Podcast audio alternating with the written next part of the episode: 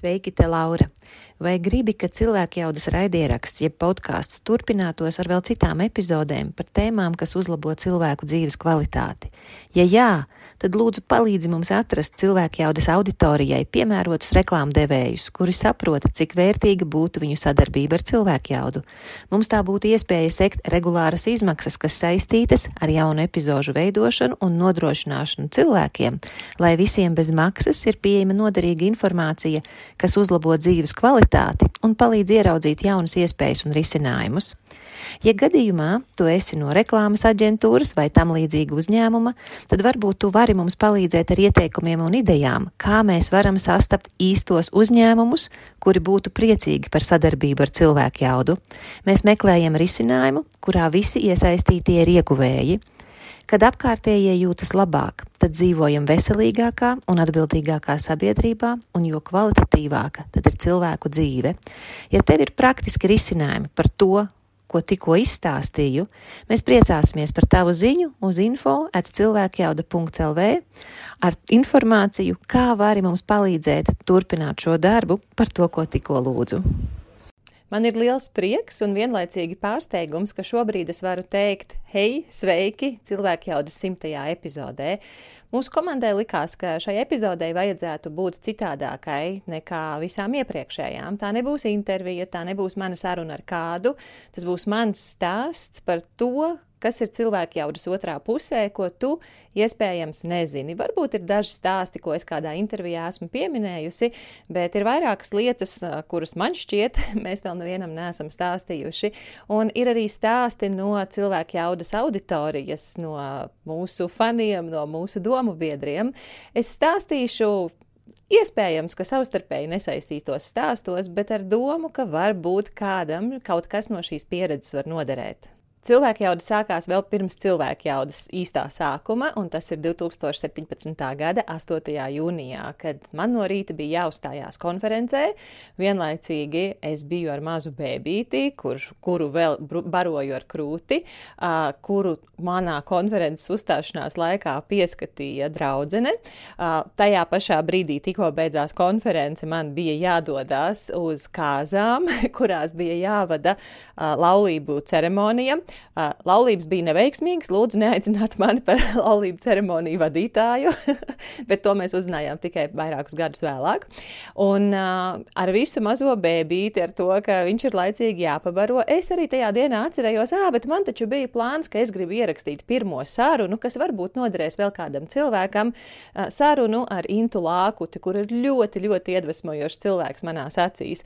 Un es kaut kad sen biju Intai ieminējusies, ka klausies ierakstam to sarunu nu, varbūt tās tiešām var vēl kādam cilvēkam palīdzēt. Un Inta pat man bija pateikusi, jā, mēs it kā bijām novienojušās, ka kaut kad mēs to darīsim. Es biju izdomājusi, ka mēs to darīsim tajā dienā, bet ir ļoti iespējams, ka es biju aizmirsusi to Intai konkrēti pateikt. Es pat biju sarunājusi ar Lauru un Andi Arnicāniem no Sigda Simple vai patiesās garderobes, ka mēs šo filmēšanu varētu paveikt pie viņiem, bet nu, visa mūsu komanda tajā brīdī ir tajās kāzās, kur man ir jāvada šī ceremonija.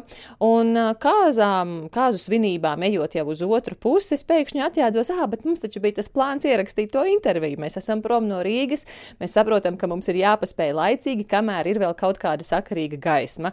Un es viņai saku, braucam, un viņa man prasa, uz kurienu, un es viņai atbildu ierakstīt to sarunu, ko mēs bijām sarunājuši. Nu, izrādās, ka viņai tas ir arī pārsteigums, visticamākais kaut kādas manas nolaidības dēļ. Un viņa saka, klausies, bet nu, man diezgan tas šampanietis no kāzām tiešām ir iekšā, kā mēs to interviju ierakstīsim. Nu, doma bija tāda, ka tas šampanietis izgaros līdz tam brīdim, kamēr mēs ieradīsimies Rīgā, kur atkal vēl viens uzdevums ir, kur man likt ar krūti barojamu bēbīti, un tā, lai mēs šo sarunu paspējam ierakstīt. Man liekas, ka mēs apsēdāmies Lauras un Anda virtuvē tajā brīdī un ķerāmies tam klāt kā sanāks, tā sanāks. Un patiesībā par šo pašu pirmo epizodi, kas vēl pat nav cilvēku jaudā, bet toreiz mēs tā sarunu saucām no iedvesmas uz rīcību, uh, noskatījās ļoti daudz cilvēku, un Inta saņēma ārkārtīgi daudz uh, tādas sirsnīgas uh, atsauksmes par to, kā tā ir cilvēkiem palīdzējusi. Un nav nekāds brīnums arī, ka Inta pavisam noteikti būs viena no ļoti atpazīstamām psiholoģiem mūsdienās, kas daudziem cilvēkiem varēs palīdzēt tālāk viņa ceļā. Bet uh, pēc tam, pēc šīs epizodes ierakstīšanas, pagāja vēl vairāk mēneši bez nevienas epizodes, nu, un tad pamazām mēs sākām izveidot vēl dažas, uh, kuras, starp citu, šobrīd mūsu komanda ir apkopojusi. Un uh, tu, ja gadījumā gribi kādu no šīm sarunām redzēt, tur ir gan ar ārstiem, gan ar dažādiem citiem iedvesmojošiem cilvēkiem, piedzīvojumu mīļiem, citiem speciālistiem. Tādas sarunas, pēc kurām pēc diezgan daudzām mēs saņēmām atsauksmes, nu, ka tās, tās ir bijušas noderīgas. Tā kā, ja tu esi cilvēku jaudas fans, kurš vēl šīs sarunas nav redzējis, iespējams, ka tas tev var noderēt. Tas, ko es toreiz iemācījos, ir, ka lai vai cik viss ir pret, ka šobrīd nav īstais brīdis. Tā sajūta, ja es neizdarīšu to šodien, es diez vai saņemšos to kaut kad izdarīt. Un tas bija viens tāds brīdis, kur man tā apjausma, ka nu nav labāka brīža kā tagad, pat ja par to tagad ir sajūta, tas nav gana labs brīdis. Tagad ir īstais brīdis. Tad, kad krietnu daļu šo te pirmo sārunu mēs bijām cilvēkiem parādījuši, man iestājās tāds brīdis, kur visa bija par daudz, un es nevarēju tālākās epizodes veidot, jo es nesapratu, kā lai es to dabūnu gatavu ar diviem saviem bērniem un ar visiem pārējiem pienākumiem, kas man ir. Un es arī gaidīju, ka, kad es sajutīšu, kad es sapratīšu, kad es izvēlēšos, ko es tālāk varu darīt ar šīm sarunām. Bet to ir grūti izdarīt, ja apkārt ir bērni, ja ir daudz darba, ja pienākumu apjoms pieaug. Un viens no tādiem pagrieziena punktiem bija tad, kad tojās mana 40. dzimšanas diena. Es toreiz vīram kaut kādu pusgadu iepriekš biju pateikusi, ka es esmu pamanījusi, ja es rīkoju sev dzimšanas dienas ballītes, tās ir foršas ballītes, bet beigās es esmu iztukšojusies, jo es esmu cilvēks, kurš uzpildās vienatnē. Viena lieta, ko es vīram lūdzu, bija, lai viņš nekādā gadījumā man neatļauj rīkot jebkādu ballīti savā dzimšanas dienā, lai vai cik laba ideja man tā tajā brīdī šķistu, ballītei beidzoties, es to nožēlošu, kādā kondīcijā es pati esmu. Vīrs apsolījās, un tad tuvojoties savai 40 40. dzimšanas dienai, man bija sajūta, ne, nu, it kā laikam jau ka gaida no manis kāds ballīte. Man vajadzēja diezgan lielu drosmi saņemties, lai pateiktu, es tiešām gribu būt viena. Es pat gribu būt tik viena, ka bez vīra un bez bērniem, lai man nav jādomā par viņu izklaidēšanu. Un uh, biju pietiekami, nezinu, neprātīga vai ļoti prātīga, ka sev šo laiku sarunāju un devos uz kalniem piecas dienas vienatnē. Uh, es dzīvoju Airbnb dzīvoklī, bet visu dienas laiku es vandījos riņķī pa kalniem, es klausījos audio grāmatas, reizēm kādu podkāstu, bet es ārkārtīgi daudz laika pavadīju vienkārši tā pati ar sevi, pati ar savām vēlmēm, pati ar savām vajadzībām, pārskatot, kas man dzīvē šobrīd vairs nedara, ko es gribu, kādas ir manas vēlmes, ko es gribu citādāk nekā ir tagad un kā to dabūt gatavu. Un man kolēģi Ilza saka, ka tas bija tieši pēc šī brauciena, kad es viņai zvanīju un teicu, jā, es tagad zinu, kādu es gribu veidot raidījumu, jeb podkāstu.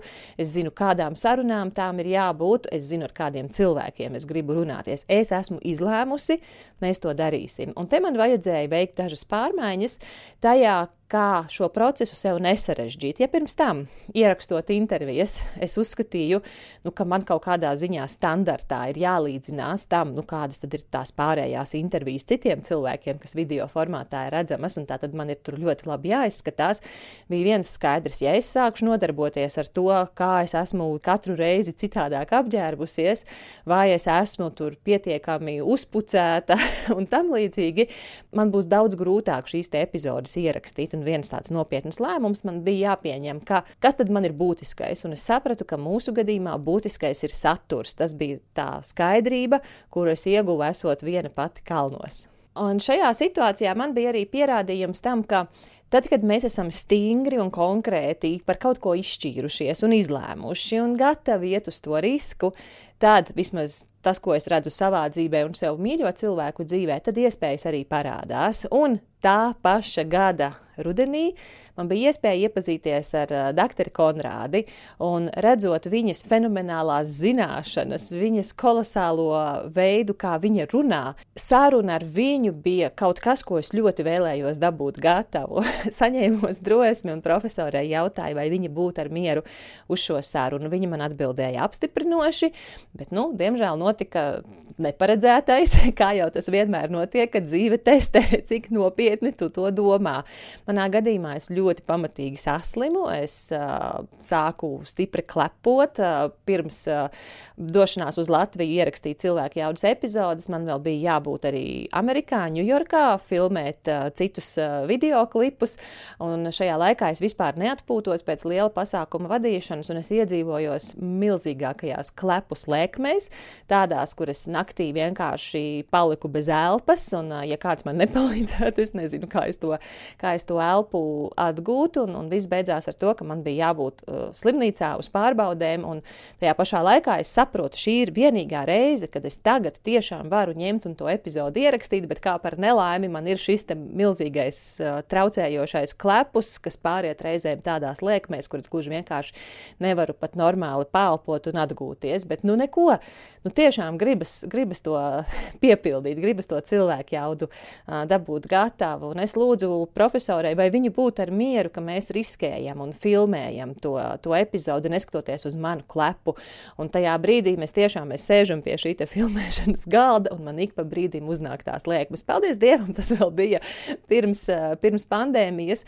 Līdz ar to nu, nevienam nebija bail, ka viņi tāpēc varētu nomirt. Nu, rezultātā nu, mūsu sarunas bija, es nezinu, apmēram viena trešdaļa jāgriež ārā, kas bija tikai un vienīgi mana klepošana, kad profesori pacietīgi gaidīja, līdz, līdz tā lēkme man pāries. Un, un savukārt mūsu montētāju komandai un filmētāju komandai es biju pieklapojusi gluži vienkārši visas ausis. Bet tā izveidojās mūsu pirmā epizode, kuru cilvēki uzņēma ļoti pozitīvi.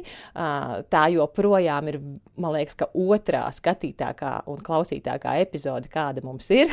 Pirmā klausītākā un skatītākā epizode ir šķiet, ka numur 20 ar, arī ar pašu profesoru Ilzi Konrādi par ilgdzīvošanu un par šķīvju filozofiju. Un man šķiet, ja man nebūtu bijusi tā drosme to darīt tajā reizē, es ļoti šaubos, ka es būtu varējis dabūt gatavu cilvēku jaudas tik veiksmīgu sākumu. Tas, kas man ir atļāvis iet uz šādiem riskiem un uz tādām situācijām, kas ir ļoti tālu no ideālas, ir mācības pie diezgan augstas klases speciālista mārketingā, arī cilvēku izglītošanā, kura vārds ir Seth Godin. Raksta SETH Godin. Ja? Un viena no lietām, ko tad, kad es pie viņa mācījos, viņš mūs, mums, saviem studentiem, tā pamatīgi lika aiz auss, bija, ka ja tu strādā pakalpojumu nozarē vai, vai kaut ko dari ar produktiem, no kuriem nav atkarīga cilvēka dzīvība, nu, piemēram, mākslīgā sirds vai mākslīgā niere vai nu, kaut vai nezinu, ar atomelektrostaciju nesadarbojies, tad tev savs darbs ir jādod kā laukā, jādod cilvēkiem, pirms tu to uzskati par perfektu, pirms tu to uzskati par uh, ideālu, tāpēc ka tādu stāvokli tu nesasniegsi. Tas, uh, vai tu varēsi veidot savu darbu ar vien labāku un ar vien noderīgāku cilvēkiem, ir atkarīgs no tā, vai tu spēsi izturēt to pretīgo iekšējo spiedienu, kas saka, vēl jau nav tik labi, es gribu labāk, jo citādi tajā es gribu labāk var iestrēgt bezgalīgi. Neideāla bija pati pirmā saruna, ko mēs testējot, izveidojām ar Intu. Pirms cilvēku jaudas neideāla bija saruna ar profesori Konrādi, tad, kad man bija šīs klepuslēkmes, tieši mana stāvokļa dēļ, tieši visu apstākļu dēļ. Un manā uztverē ideāla un perfekta nav neviena no cilvēku jaudas epizodēm, tajā kā es uz šo epizodi skatos. Man parasti šķiet, te es varēju izdarīt labāk, te es varēju pajautāt citādāk, te mums vajadzēja šo te izlaist, savukārt tajā tēmā man vajadzēja iet dziļāk iekšā. Es nekad neesmu bijusi apmierināta ar savu darbu kaut vai vienā epizodē. Un, ja es būtu šo savu darbu apstādinājusi no sērijas, es taču nedrīkstu to rādīt cilvēkiem. Es dabūšu pa mīzu, par mani pasmiesies, mani nesapratīs, kādam tas liksies uzjautrinoši, ka es kaut ko tādu vispār varu citiem piedāvāt. Nebūtu bijušas visas tās pārmaiņas manā dzīvē, kas ir pateicoties līdz šim ierakstītām 99 visām epizodēm, un tās pārmaiņas nebūtu piedzīvojuši arī cilvēki, kuri mūsu cilvēku jaudas auditorijā bija tik laipni, ka piedāvāja savus stāstus, ar kuriem es ar prieku šeit dalīšos. Un nu, tie piedzīvojumi ar epizodu ierakstīšanu mums ir bijuši visdažādākie. Kaut kas mums no ekipējuma nenostrādā. Ir epizodes, kas ir jāpārfilmē, ir epizodes, kas ir nofilmēts un ir pilnīgi skaidrs, ka kaut kādu apstākļu dēļ mēs viņus nevaram publicēt. Tā ir, tā ir ļoti nepatīkama situācija, jo viss maksā. maksā darbs, lai tās ierakstītu, maksā telpas, kur to darīt, maksā, maksā visu mans laiks, mūsu komandas laiks maksā arī nu, tā, tā miera sajūta, jo, ja pirms tam šķita kolosāli, mums ir nodrošināts epizodes uz noteiktu laiku, tad mēs pēkšņi ieraugam, ka nav. Tā ir ļoti nepatīkama vilšanās, un tas ir arī grūti tiem viesiem, ar kuriem mums notiek kaut kādas neparedzētas lietas. Un bieži vien mums šo epizodu ierakstīšanā sanāk iet arī uz kaut kādu risku. Nu, piemēram, viena tāda epizode, ko es atceros, es intervēju vienu dakteri, un ir ļoti skaista diena, un viss ir kārtībā. Mums, mūsu intervija notiek skaistā vietā, un pēkšņi sāka gāzt lietus.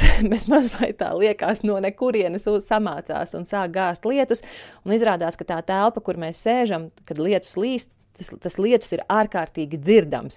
Bet doktorei ir maziņš bērniņš, kurš arī ir krūti barojams. Viņai ir tikai tāds lokus, cita loga nav, saruna ir ārkārtīgi vērtīga. Es knapi dzirdu, ko doktore saka man, un es pie sevis nevaru saprast, ko mums tagad darīt, jo man nav variantu, ka mēs varēsim šo interviju pārfilmēt. Ir ārkārtīgi liels risks, ka nekas no doktoras vai manis teiktā nebūs dzirdams, tad ir tāda tāda sajūta, nu, ko tagad darīt. Un, un, nu, ir, ir ļoti grūti tajā brīdī. es izlēmu, ka mēs turpinām šo sarunu, un man jāsaka milzīgs paldies mūsu komandai, kas uh, sarunu sakārtoja tā, lai tās saturs ir uztverams un tās saturs nestu lielas pārmaiņas tiem cilvēkiem, kuriem tas ir vajadzīgs, un es vēlāk šos te, šo te pārmaiņu stāstus pieminēšu. Atkal, nu, nav ideālu apstākļu. Un tas, kas man vienmēr pārsteidz, arī tie apstākļi, tās vietas, tās situācijas cilvēku jaudas auditorijas dzīvē, kur jūs klausāties cilvēku jaudas epizodes, nu, piemēram, šis stāsts no Agneses, kas saka, ka pirms diviem mēnešiem piedzīvoja savas pirmās dzemdības. Stacionārā vajadzēja būt jau kopš kontrakcija paša sākuma, Vīrs drīkstēja pievienoties tikai, kad mani pārvadīja uz dzemdību zāli. Tā nu sēžot ginekoloģiskajā nodaļā viena pati palātā un piedzīvojot regulāras un ļoti sāpīgas kontrakciju sāpes, reāli trakas tās sāpes. Es apļoju gurnus uz lielās bumbas un austiņās klausījos cilvēku jaudu. Iegāju kaut kādā meditatīvā stāvoklī un tā arī sagaidīju, ka man jau bija liels atvērums un jābrauc uz dzemdību nodaļu dzemdēt. Paldies par saturu, kuru veidojat. Nu, manā uztverē, Agnes, tu esi kaut kāda ņindza, kas spēj klausīties cilvēku jaudu šādā brīdī. Man, manuprāt, nu, jā, tu, tu man šķiet pārspēji visus iespējamos, uh, visus iespējamos cilvēkus. Un tas, pateicoties tam, tam, ka cilvēka jauda var būt noderīga, tas liek man ārkārtīgi sevi pieskatīt, lai tas darbs, kādā veidā es to strādāju, dod rezultātu. Un cilvēku jaudā mēs esam izvēlējušies, ka saturs ir karalis, ka pats svarīgākais ir tas saturs, ko mēs radām. Un kas var patraucēt saturam, tas ir, ja gadījumā es izvēlētos, ka nevis saturs ir karalis, bet, piemēram, ka man kādam vajadzētu izpatikt. Man, paldies Dievam, tāda nopietna mācība bija sen, sen atpakaļ, vēl pirms cilvēku jaudas vispār, pirms man tāda ideja radās. Es to piedzīvoju apmācību laikā, un, un lai arī tā pieredze bija ļoti nepatīkama, es tai esmu esmu savā ziņā tagad pateicīga, jo tas ir iemesls, kāpēc cilvēku jaudas kvalitāte ir labāka nekā tā būtu, ja man šī ķēze nebūtu notikusi. Un es ar tevi padalīšos, jo ticu, ka kādam tas var noderēt, mācoties no manām kļūdām. Mēs toreiz vadījām apmācības abi ar vīru, un apmācībās piedalījās uh, sieviete, kas bija coach, kas bija diezgan uh, uh, augsta līmeņa kočs un kas par sevi arī domāja ļoti augstas domas. Man ļoti gribējās, lai es un mans vīrs, kā treneri, viņai patiktu. It īpaši es pati. Un tad katru reizi šo vairāku dienu garumā, kad uh, man bija jāuzstājās, man bija kaut kas jāsaka, man bija jāvada cilvēki cauri procesam, es visu laiku domāju par to, kas viņas acīs kotēsies, ko viņa novērtēs, un es centos izvairīties no tā, kas viņai nederēs.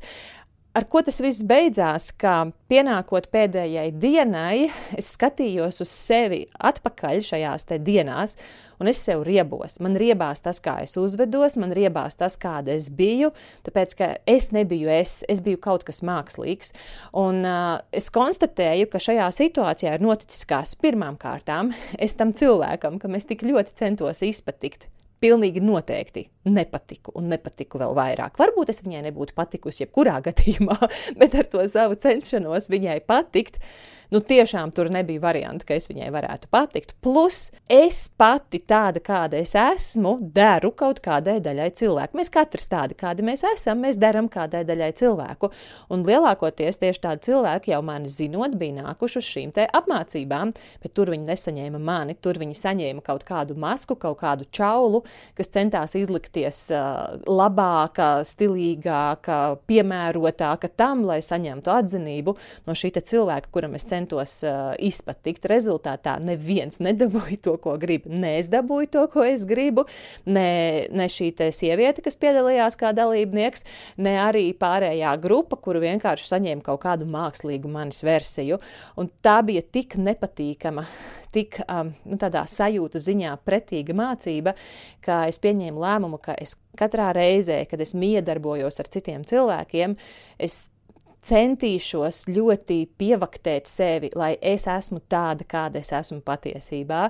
Tāpēc katru reizi, kad es saņemu kaut kādus pārmetumus vai nelūgtos padomus par to, ka man būtu jāizskatās citādāk, ka man būtu jājautā citādāk, ka man būtu ar cilvēkiem jāsarunājas citādāk, ka man būtu jāizvēlās citādākas tēmas, Es respektēju, ka cilvēkiem ir viņu viedokļi un viņiem ir viņu vajadzības, ko viņi domā, kā viņiem vajadzētu, lai es esmu, bet tajā pašā laikā es ļoti stingri zinu, ka tikko es centīšos kaut kur, kaut kādā veidā patikt citiem, es riepšos pati sev, es nebūšu īsta, un man nebūs iespēju fokusēties uz pašu būtiskāko, kas ir nodrošināt, lai cilvēku jaudā ir vērtīgs saturs.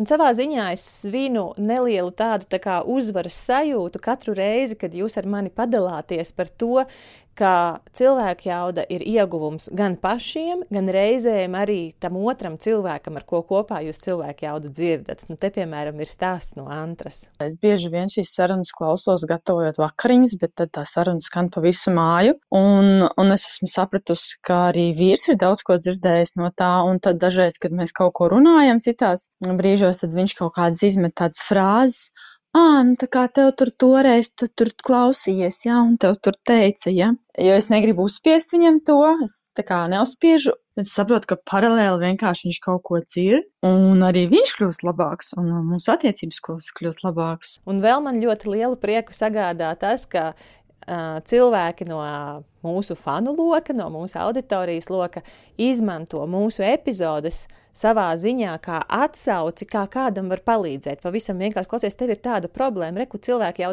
viņi tieši tai lietai pievērsās. Tur ir kaut kādi varianti, tur ir kaut kādas jaunas iespējas. Es pati tā iesaku cilvēku jaudas konkrētas epizodes citiem, un man prieks, ka arī jūs to darat, kā piemēram Daina. uz, uz epizodēm uz, uz cilvēku jaudas. Podkāsts atsaucos kā uz enciklopēdiju, sarunās ar draugiem, brīdī, kad kādam vajag iedvesmu vai kādam vajag kaut kādu zināšanu vai vēl kaut ko vai vēl kaut ko. Un... Tas, kāda cilvēka jauda ir šobrīd, ir saistīts arī ar manu 2017. gada pašu sākumu, kad man pat nebija domas, ka man kādreiz būtu, es nezinu, podkāsts, raidījums, video, vienalga kas. Tas bija brīdis, kad es ar vīru, ar divu ar pusmēnešu veco bēbīti un ar ar savu lielo dēlu, kuram tobrīd bija 4,5 gadi, ceļojām pa Jaunzēlandi ar kemperi. Attālumi, kas mums pusotru mēnešu laikā regulāri bija jāpārbrauc, bija lieli, un šo laiku mēs īsinājām ar to, ka mēs ar vīru diezgan pastiprināti klausījāmies podkāstus.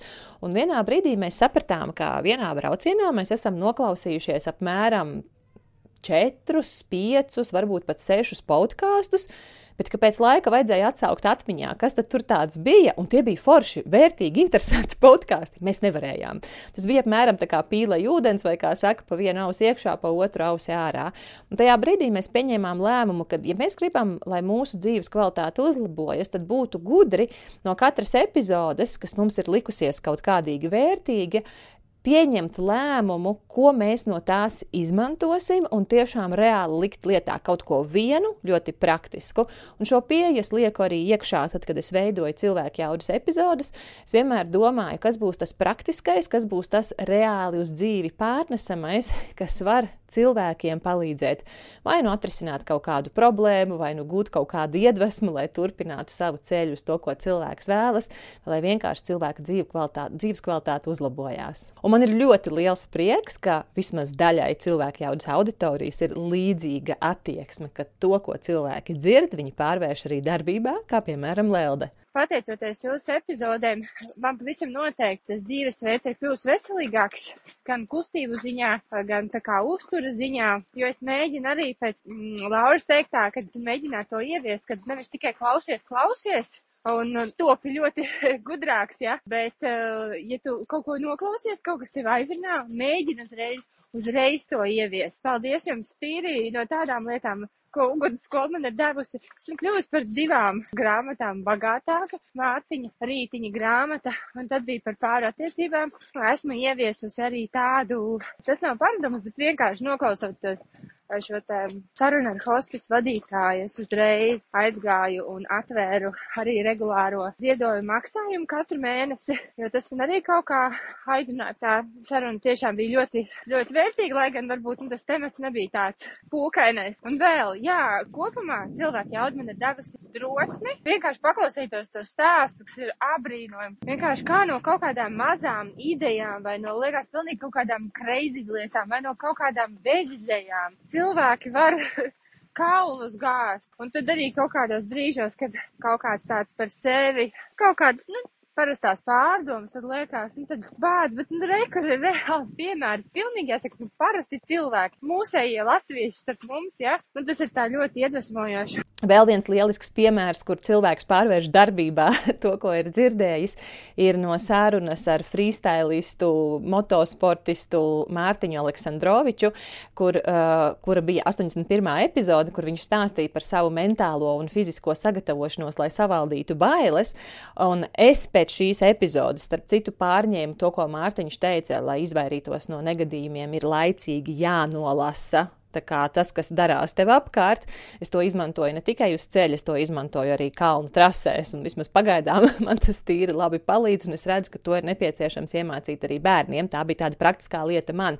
Savukārt man ļoti patīk praktiskā lieta, par kuru raksta Velga, ka Klausījos cilvēku jaudas sarunu ar Mārtiņu Aleksandroviču un nonākot līdz sadaļai par domu ievirzīšanu un sagatavošanos priekšnesumam, izjūtot katru soli, strādājot ar savām bailēm, ka var nesanākt, ka var neizdoties, un tad par gatavošanos soli pa solim iztēlojoties, kā tieši veiksi triku, iegūstot skaidru sajūtu katrā trika solī.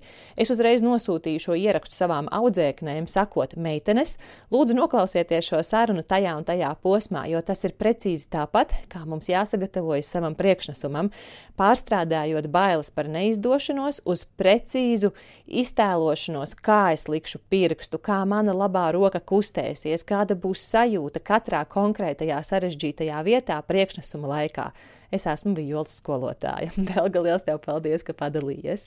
Vēl viena aizkulišu ainiņa ir tāda, ka es sākoties īstajam cilvēku jaudas posmam, šajā, šīm te garajām sarunām, man bija sajūta, ka tā kā sarunas ir garas, tas apgrūtinās cilvēkus, man vajag vairāk griezt ārā, vajag atstāt pēc iespējas mazāk, bet man bija sajūta, bet tas taču ir tik daudz, kas tajā sarunā ir vērtīgs un interesants. Ko tad man izgriezt? Un es nevarēju paļauties uz savu gaumi, un tāpēc es aicināju palīdzību palīgā mūsu absolventus lūdzu, vai nu, ir cilvēki, kuri būtu ar mieru, kuri tāpat klausītos šīs epizodes, bet vienkārši iedot man atgrieznisko saiti, kas ir tas, ko pēc viņu domām vajadzētu ņemt ārā, kā galīgi nederīgu un velti laika tērējošu, un kas ir tas vajadzīgais, kas cilvēkiem patiktu.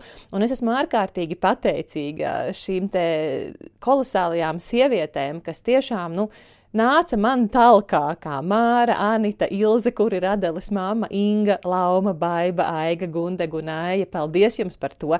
Un dāmas man tiešām skaidri parādīja, kas patīk, kas nepatīk. Un tā bija pirmā reize, kur es saskāros ar šo te tādu reāli taustāmu fenomenu, ka vienai kaut kas ļoti vērtīgs šķiet, un otra saka, tas veltīgi notērēja manu laiku, ja man pat īstenībā nepatika.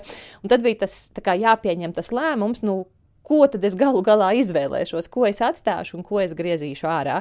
Un man ļoti tas noderēja, lai saprastu, ka es varu paļauties uz savu viedokli. Man vienkārši ir jārēķinās, ka būs daļa cilvēku, kas teiks, man tas neder, un būs daļa cilvēku, kas teiks, cik labi, ka tas tur bija iekšā un man palīdzēja. Tā ir lieta, ko es arī redzu ikdienā, tad, kad saņemu komentārus par jebkuru no epizodēm par, arī par to, kā es vadu šo, šīs sarunas, ka man var pateikt diametrāli, pilnīgi pretējus viedokļus un tādus nu, kā, nu, ļoti izteiktus viedokļus.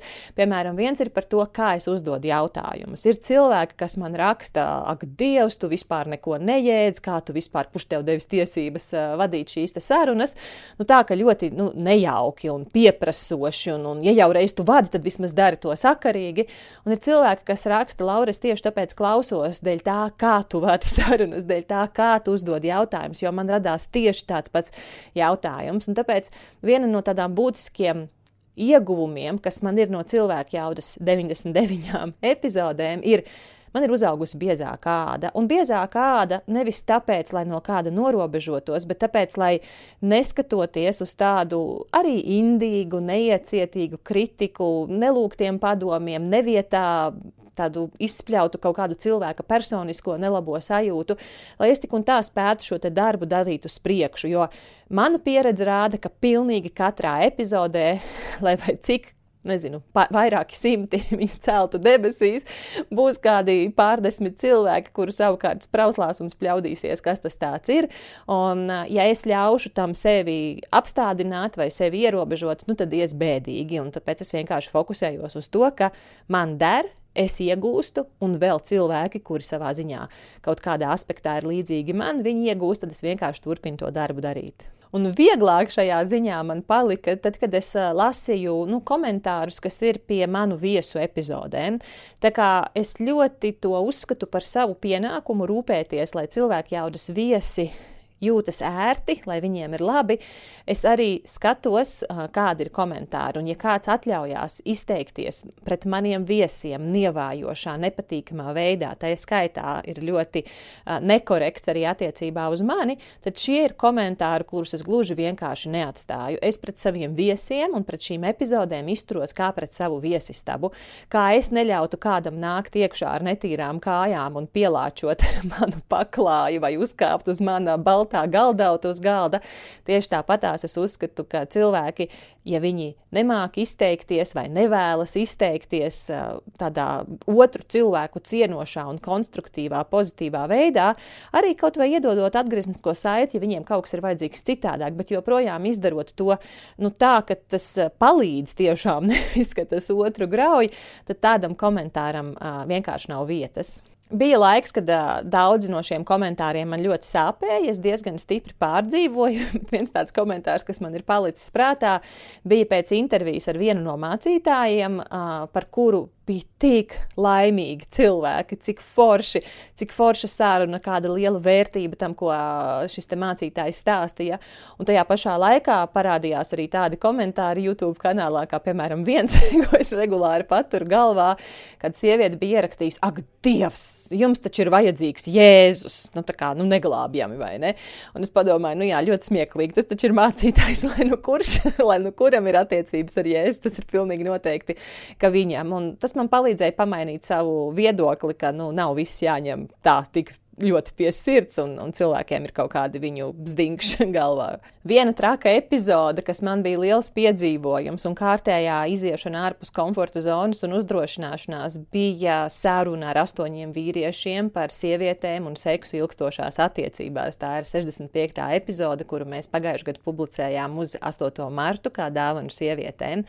Un, uh, tas bija ļoti grūti sameklēt šos kungus, nu, kurš tad piekritīs tik atklāti runāt uh, plaši, īpaši latviešu valodā. To ir ļoti grūti dabūt gatavu. Angliski, jā, lūdzu, bet latviešu tas ir sarežģīti. Un rezultātā man nācās vērsties pie vīriešiem, kurus es pazīstu, dažādās desmitgadēs, no uh, 20 gadniekiem līdz 70 gadniekiem.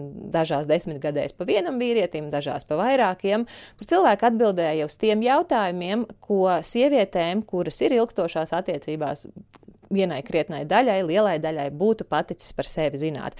Arī šeit es dabūju no auditorijas ritīgi pa mizu, ka viena daļa man teica, fuj, kāpēc vispār kādu interesētu vīriešu viedoklis par sievietēm, cik tas ir nožēlojami, ka mums sievietēm kaut kas tāds vispār būtu vajadzīgs. Tās, tās visas indīgās replikas tajā brīdī tiešām nāca no sievietēm.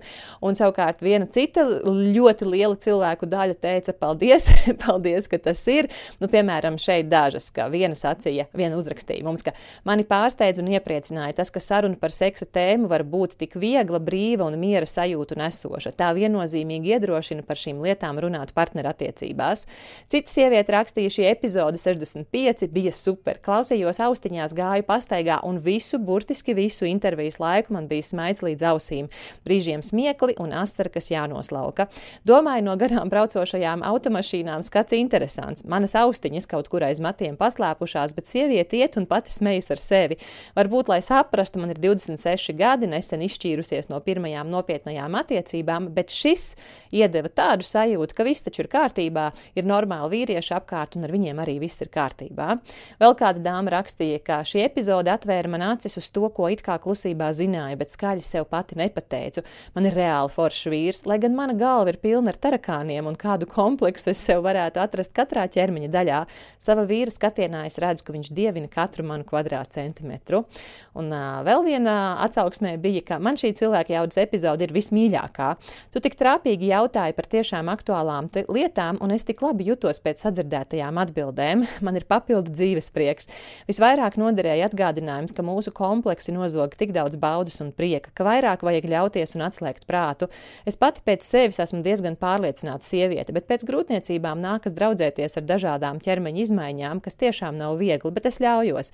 Un pēc šīs sarunas vispār jūtos kā dieviete, jo zinu, cik forša un interesanta esmu intīmajā dzīvē, ja nepiegružoju savu prātu ar tām lietām, kam tajā brīdī mans vīrs nemaz nepievērš uzmanību. Tāda smieklīga epizode bija, kad es šos te kungus aicināju uz sarunu pirmām kārtām, vai viņi piekritīs. Un, slavētas debesis, viņi tiešām atrada sevī, nezinu, drosmi, azartu, aizrautību piekristām sarunām un, un atbildēja, nu, tik brīvi un tik kolosāli, manuprāt.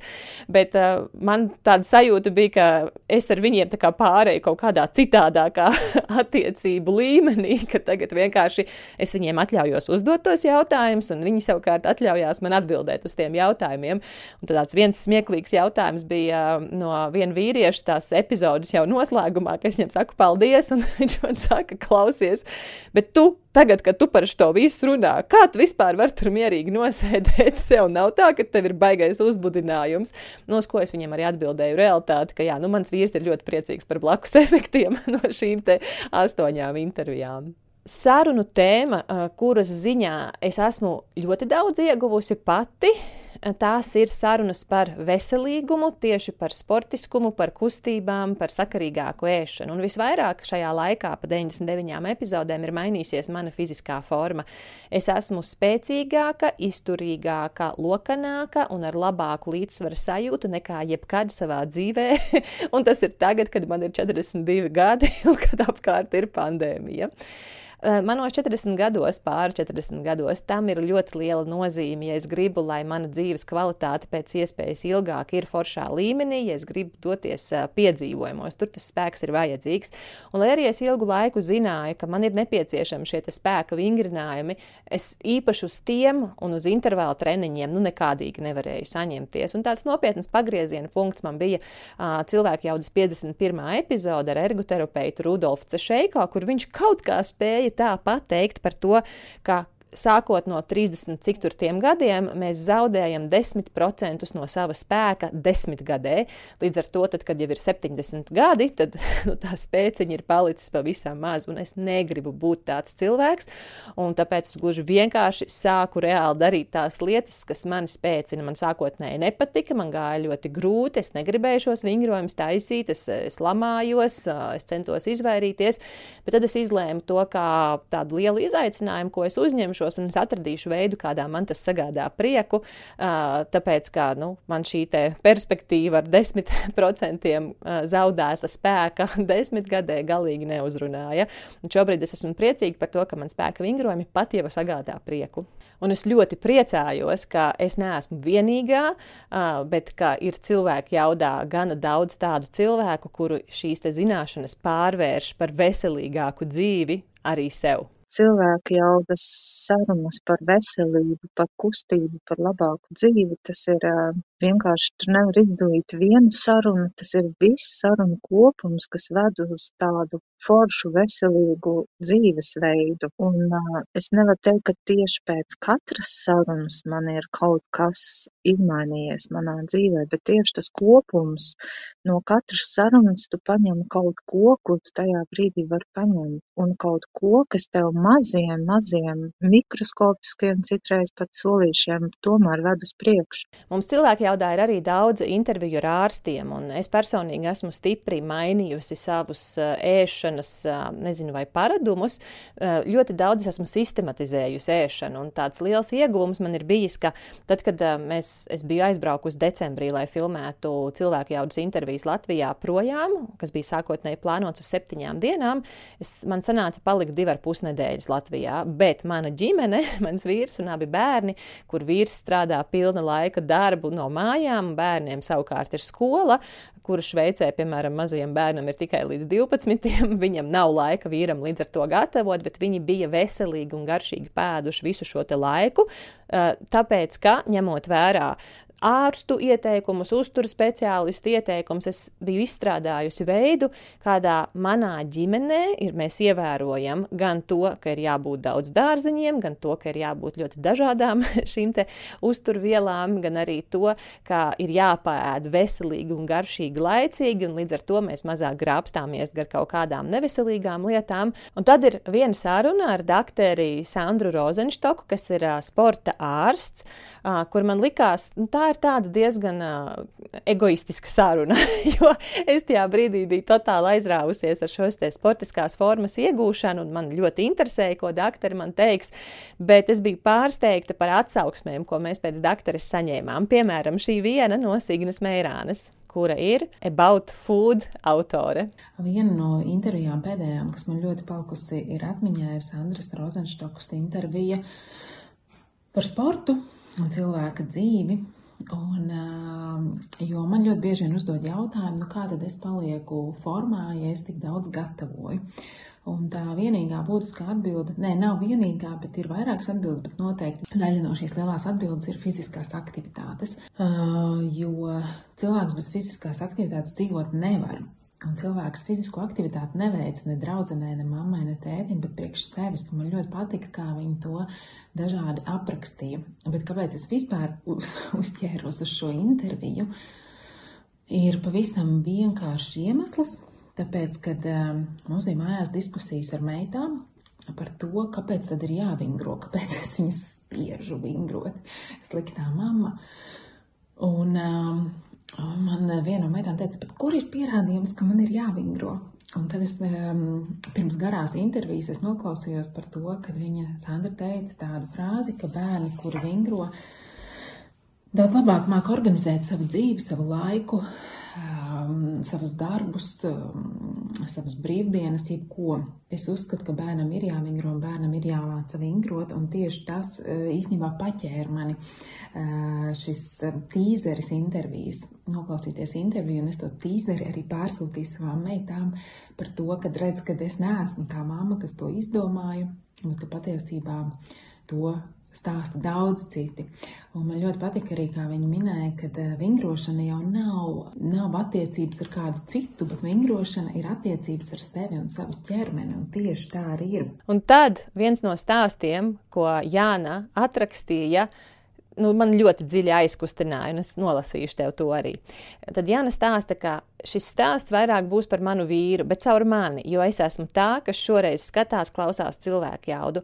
Es noskatījos sarunu ar doktoru Sandru Rozenštoku un sapratu, ka mums ar vīru pie viņas jāaiziet, bet vairāk jau vīram, kuram ir gandrīz 30 gadi. Viņš jau mazliet vairāk kā divus gadus mocās ar kājas apakšstilbu sāpēm, kur 16 gadu vecumā bija lūzums un iekšā stieņi. Ir bijušas divas operācijas šo divu gadu laikā, lai stieņus izņemtu, kas līdz galam neizdevās. Visādi ārsti izstaigāti un izmeklējumi veikti. Kāju joprojām pie slodzes sāp. Piebildīšu, ka viņam nav arī kreisās plaukstas. Tā, nu, satiekoties ar doktoru Rozenštoku, viņa viņu pārsteidz, ka viņam, manam vīram, ir lieliska fiziskā forma, kaut gan kājas dēļ ilgu laiku viņš nav bijis fiziski aktīvs. Un viņa viņam pasviež ideju par paralimpiskajām spēlēm. Šobrīd viņš ir procesā uz piedalīšanos Paralimpiskajās spēlēs. Ja nebūtu jūs, cilvēku jauda, mēs nekad nebūtu iedomājušies par šādu dzīves pavērsienu.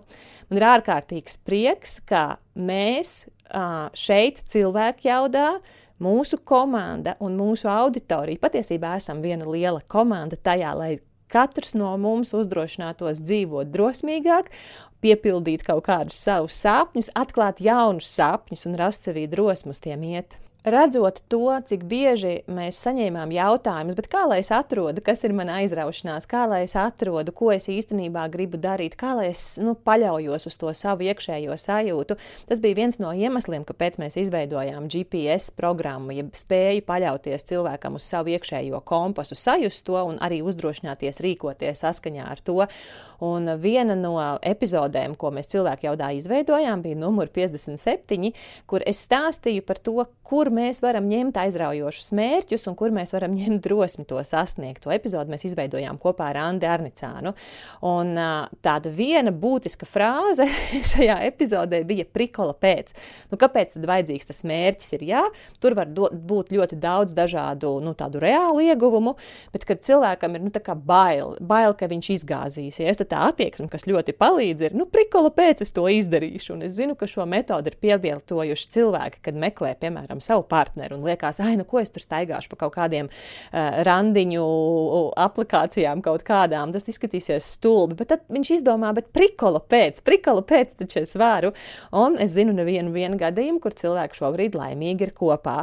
Tieši tāpatās, kur cilvēki man pēc šīs epizodes rakstīja, ka liels tev paldies par prikola pēc, es prikola pēc aizsūtīju uh, darba pieteikumu, un šobrīd es jau mainu darbu, jo viņi man prikola pēc paņēma tur strādāt. Es esmu arī saņēmusi atsauksmes par to, ka kāds ir ticis pie mājas, kam šķita, ka māja jau nu šim cilvēkam reāli nespīd, bet prikola pēc aizsūtīja vīram sludinājumu, prikola pēc aizbrauca apskatīt šo te māju, prikola pēc uh, saorganizēja visu ar uh, finansēm un māju izdevās nopirkt, šobrīd cilvēki veido jau nu savu dzīvi kaut kādā citādākā, sev vērtīgākā līmenī. Te ir arī viens stāsts no Terēzes, kas saka, ka man nodara Lauras teiktais par to, kā uz darbībām, kam grūti saņemties un liekas, nu ko tad es pieiet ar attieksmi, prikola pēc, tomēr pamēģināšu un noriskēšu. Šī prikola pēc attieksme pret lietām, kuras gribas uzsākt, bet sākotnēji nobīstos un kautrējos, man palīdzējusi un atļāvusi iesākt hobijus, kas skolas laikā man īsti nepadevās, bet ļoti interesēja. Manā gadījumā šūšana un adīšana. Nu, šī ir pirmā ziema, kurā varu lepni uzvilkt savu pirmo adīto jaku un drūmākās dienās uzvilkt pašūto kleitu. Lai gan apģērba gabali nepavisam nav perfekti, tajos pat draņķīgās dienās jūtos ievērojami labāk. Vēl viena dāma rakstīja par to, kā viņa prikola pēc nolēma saviem visiem cilvēkiem sazīmēt kartiņas. Tā aizrāvās, ka sazīmēja ārkārtīgi daudz, domāja, kur tad varētu likt. Kāds viņai pasvieda ideju, bet tu varētu varbūt kādā grāmatnīcā pārdot, uz ko viņa domāja, bet nu kā es tā grāmatnīcā pārdošu, kurš tur vispār būs ar mieru. Bet tad viņa padomāja, nu, bet prikola pēc es jau varu pajautāt. Viņa prikola pēc pajautāja, un grāmatnīca pat prikola pēc bija ar mieru šīs kartiņas ņemt pretī. Viņiem tikai kaut kas nesanāca ar nu, tiem termiņiem, kur kaut kas vajadzīgs. Bet kā, kā šī sieviete teica, es ieguvu mācību, ka vienmēr vajag jautāt, nu kas tad ir tas trakākais, ko es varēšu zaudēt, vai ne galvu jau neviens nenocirtīs. Arī es pati šo attieksmi prikolu pēc izmantoju tajā brīdī, kad man likās, nu kā es tā iešu projām no sarunām ar zinātniekiem, no sarunām ar ārstiem, bet man gribas kaut ko vairāk par piedzīvojumiem. Mani ļoti fascinē šo piedzīvojumu cilvēku prāts, tas, kā viņi tiek pāri grūtībām, kā viņi realizē kaut kādas trakas idejas, kas šķiet neiespējamas. Un te ir neliels stāsts no Amandas. Man liekas, lielākā kartava šim visam ir tajā, cik daudz es iedvesmojos no šiem cilvēkiem darīt kaut kādas lietas, kas man paši nenormāli aizrauj, jo ir absolūti tie manās acīs trakie, bet es viņus ārprātīgi atbalstu. Šie cilvēki, Sigita Vāca, kurus skrien tik nenormāli trakas distances, manā galvā tas vienkārši nav apvienojams.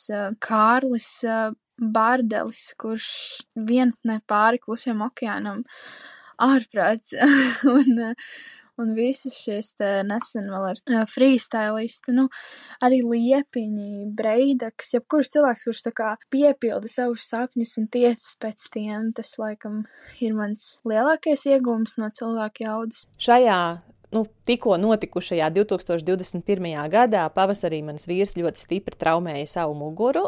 Vasaras pirmajā mēnesī viņš bija situācijā, kur viņš nevarēja paiet ilgāk par trīs minūtēm. Viņš principā visu laiku gulēja, sēdēt. Viņš nevarēja vispār aizbraukt ar automašīnu. Mēs varējām tikai tad, ja viņš varēja gulēt garš ļauks, un arī tikai tad apmēram viena stunda bija maksimālais laiks.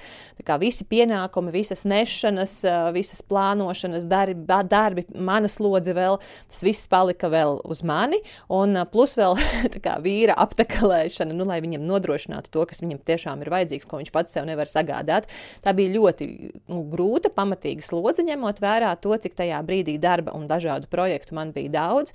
Un es vienkārši redzēju, kā man starp pirkstiem tek ārā nu, smiltis, bez maz vai birstošas, mana, mani piedzīvojuma plāni, jo mums bija ieplānots, ka tā vasara būs klinšu kāpšanas vasara, ka tā vasara būs kaitošanas, mācīšanās vasara, un pilnīgi nekas no tā mums nesanāca. Un viena cilvēka jaudas epizode bija tāda ļoti izmaiņas nesoša, kas bija ar Ingu Augstkalnu. Ingus Augstkalns tā būs nominatīvā, un tā bija par nu, tā spēju dzīvot drosmīgāk, pārvarēt savas bailes, pa, paplest plašāk savus uh, horizontus.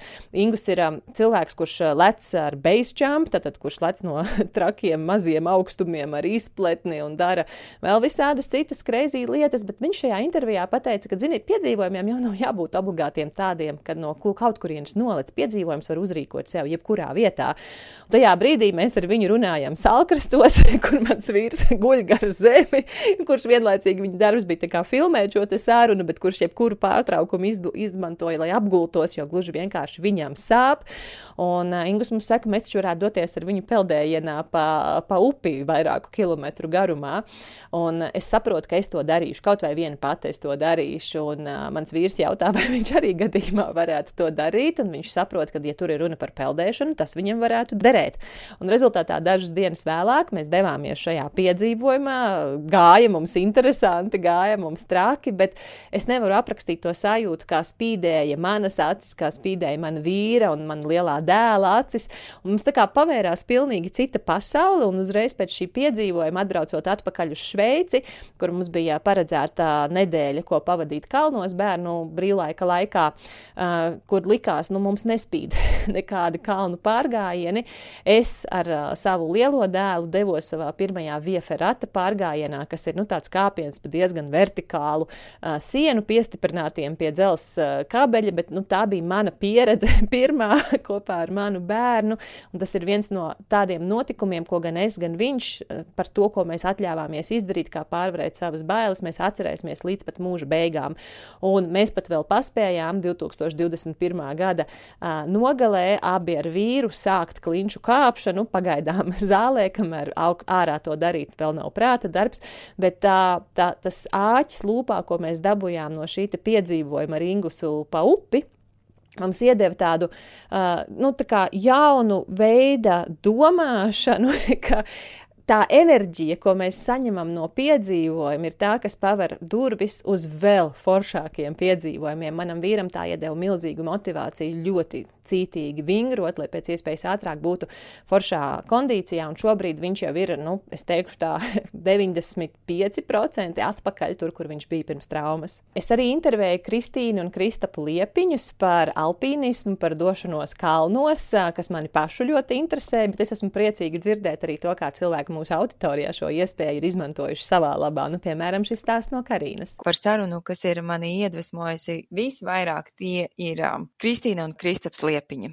Pirms tam man alpīnisms un kliņšu kāpšana vispār uh, neinteresēja. Man tas tiešām nepatika. Un tajā sarunā Kristaps teica, kā, nu kā tu vari zināt, ka tev kliņš kāpšana neinteresē, ja tu pat to neesi pamēģinājis? Tā man bija tāda pirmā lampiņa prātā, un otrā lampiņa bija tad, kad Kristīna teica, kad viņas vecāki nebija sportiski, un tagad, pieaugušā vecumā, viņai ir jāpieliek daudz lielākas pūles, lai saņemtos iet vienkārši iziet ārā un sākt sportot. Pēc tās sarunas, aizsanāk aiznākamajā dienā, es vienkārši sāku skriet krosiņu, un to daru joprojām. Tas ir jau vairāk nekā trīs mēneši. Es nekad mūžā to neesmu darījis darījusi. Pusotrs mēnesis pagāja, un man pie mājām, salīdzinoši netālu, es atradu, ka ir kliņšu kāpšana. Es nedzīvoju Latvijā, un tā ir tāda lielāka iespēja atrast kliņšu kāpšanu. Un tagad es divreiz nedēļā nodarbojos ar kliņšu kāpšanu.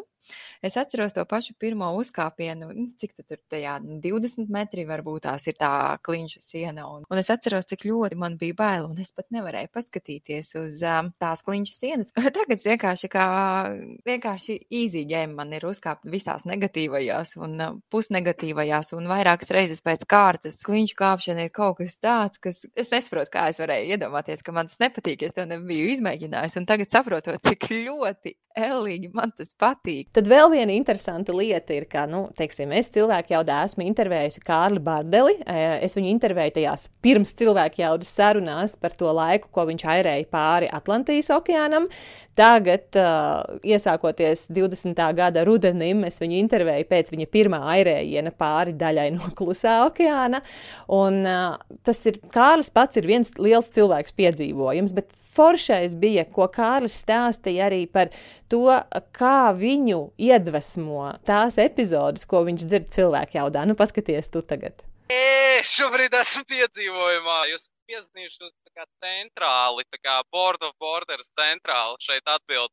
Es šobrīd atrodos Šrilankā, Gāles ostā, un tepat ir pietāvot man laiva, kuras esmu atērējis no Malaizijas. Klausos uh, arī cilvēku jautas epizodes. Tiešām vērtīgs saturs, un vairāk es gribētu runāt par divām epizodēm. Tad, kad uh, bērnībā spēlējām tur, nezinu, basīti vai, vai uh, nezinu, puteni, tad uh, divi kapteiņi, un tad katrs izsauc nu, tā no tās strīpas, tur, kurš kurā komandā.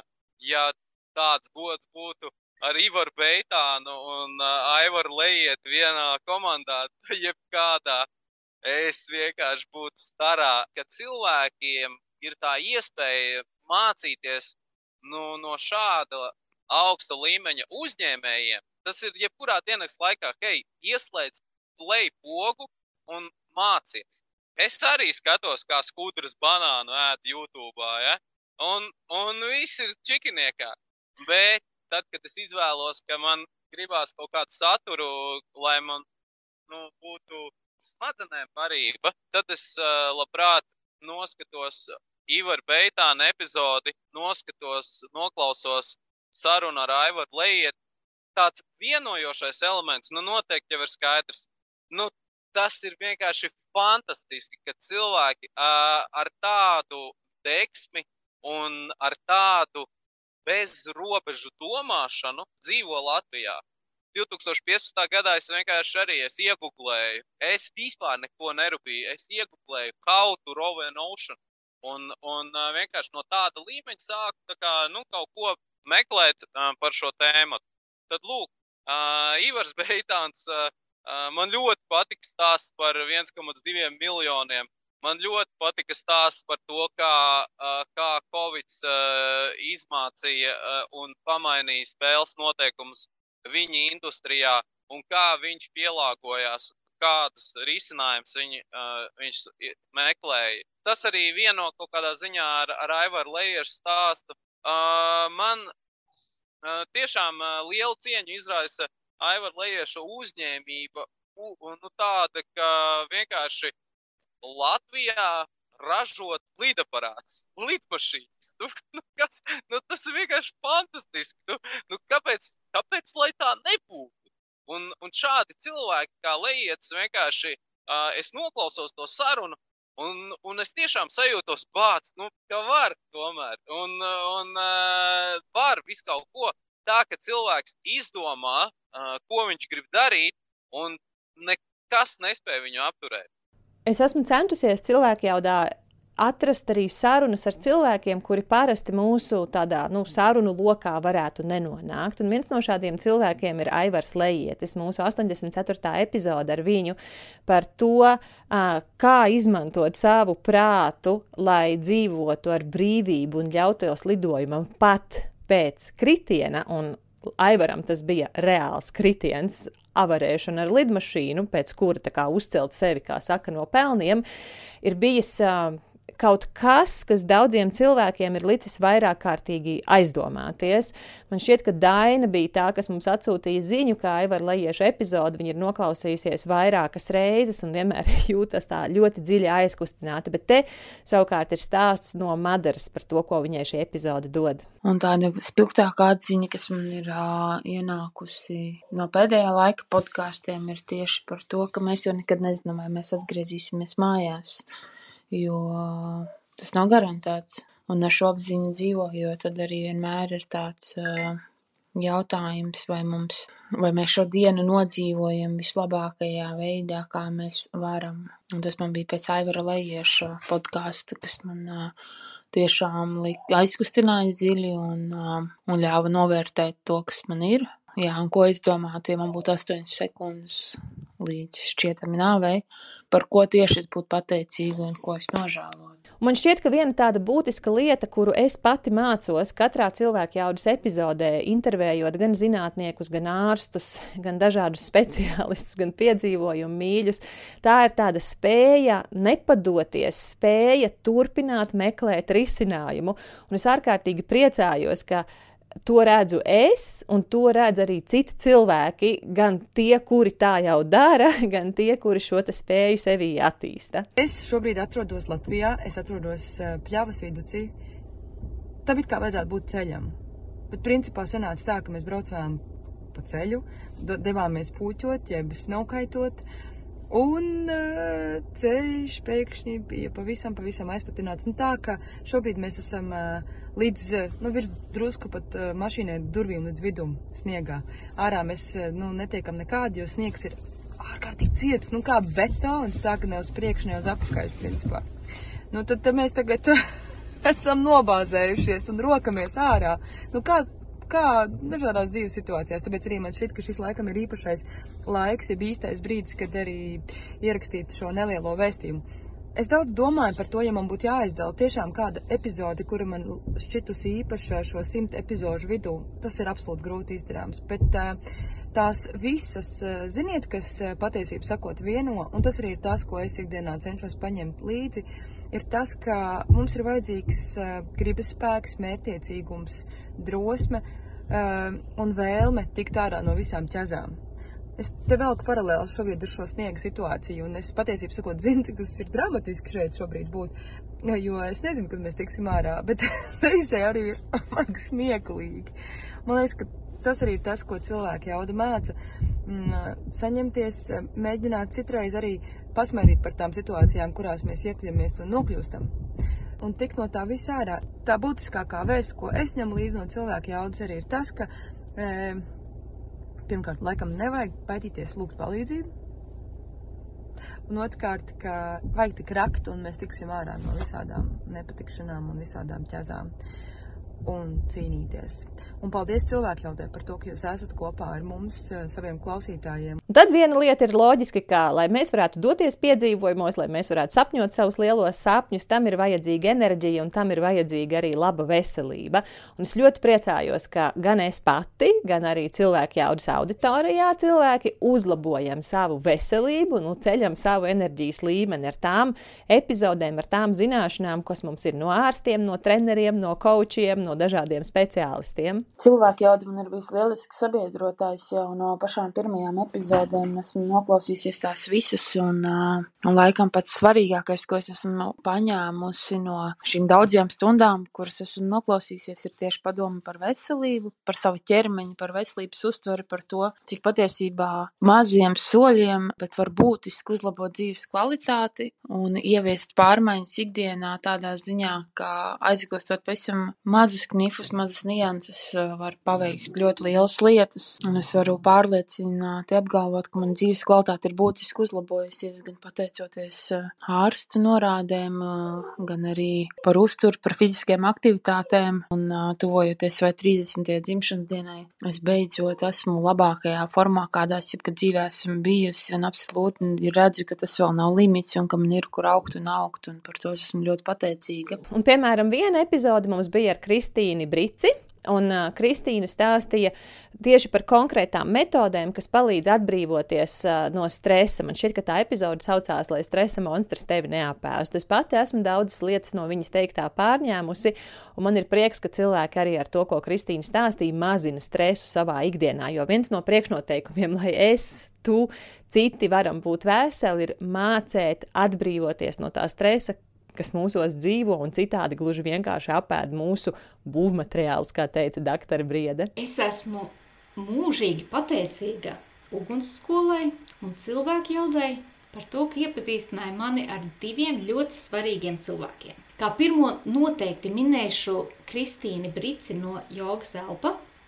Mana dzīve vairs nav iedomājama bez viņas, bez viņas nodarbībām, bez uh, meditācijām, bez uh, jogas, bez visām nomierinošām praksēm, uh, jo es pati nemāku to visu darīt savā nodarbā. Man ir vajadzīgs cilvēks, kas mani vada. Kristīna šai ziņā ir ideāla priekš manis. Uzzināju par Kristīnu no Lauras jau kādos agrākos video, kur Laura stāstīja par to, kā viņi ikdienā izmanto trē praksi – tad, kad dzīvē notiek kaut kas sarežģīts un stresains. Un tas man tā ieinteresēja, ka es arī biju uz trē apmācībām, un pēc tam jau sekoju Kristīnai viņas online studijā.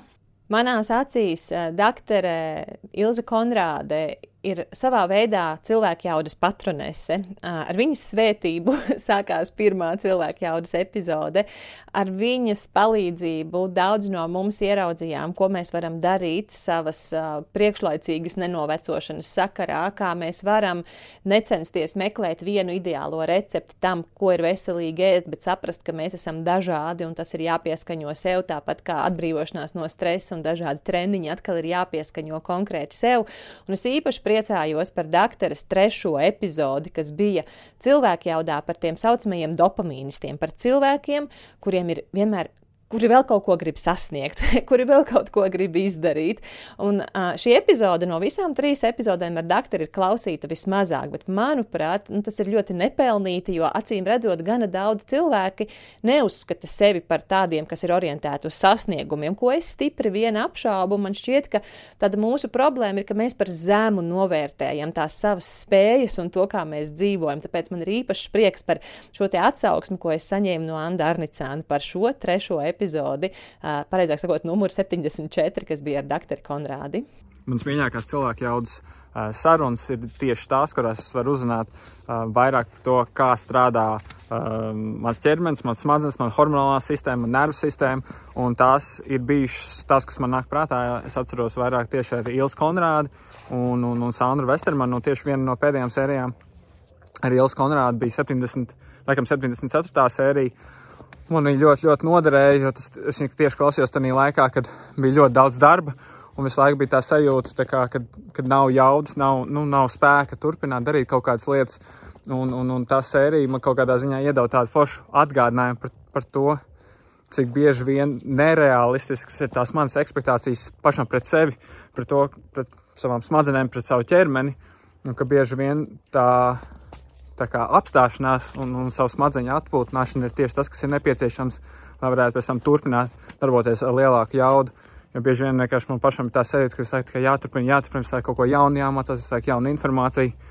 Un kad uh, tieši Ilsa Konrāda saruna man atgādināja par to, ka tieši apstājoties un neuzņemot nekādu jaunu informāciju un varbūt nedarot neko, tas sniedz tādu lielu dopamīnu devu, ka tas iedod teiksim, tieši to attēlu, to, to, to pauzi, kas ir nepieciešama, lai pēc tam varētu darboties vēl ar lielāku jaudas priekšu. Tā kā visas šīs sērijas, kas ir tieši par, par to, kā ķermenis strādās, es ļoti priecīgs, pateicīgs Laurai un visai cilvēku jaudas komandai par to, ka viņas ir, ka viņas ir latviešu valodā, jo šī informācija ir patiešām ļoti aktuāla, ļoti praktiska un, un, un man pašam ir ļoti daudz noderējis.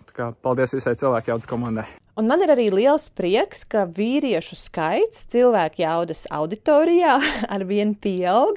Man diezgan patīkami pārsteidz, cik daudz vīrieši nu, tā forši domā gan par savu veselību, gan par savu labsajūtu, un arī tajā skaitā par to, ko viņi ēd. Nu, piemēram, šis stāsts no Mārtiņa. Arī es esmu viens no tiem, kurš ir noklausījies. Ja ne pilnīgi viss, tad noteikti 98% sarunas. Bet jā, ķeroties vērsim pie ragiem, nosaucot konkrētas lietas, konkrētas sarunas, kuras man ir, man ir palīdzējuši manā dzīvē.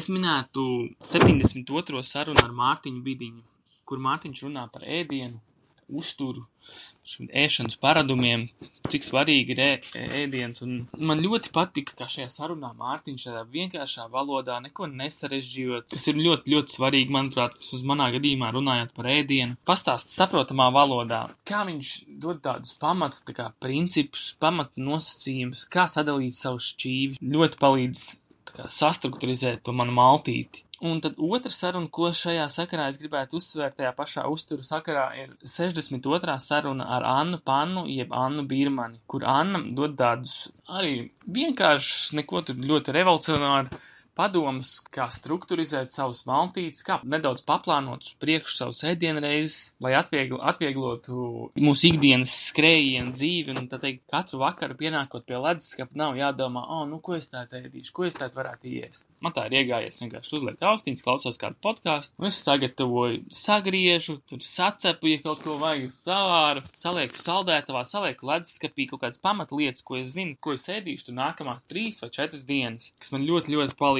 Jā, starp citu, Mārtiņš dzīvo Jaunzēlandē, un tajās dienās, kad mēs epizodes publicējam vakarā, viņš tā savā ziņā sanāk kā viens no pirmajiem, kurš tās noklausās.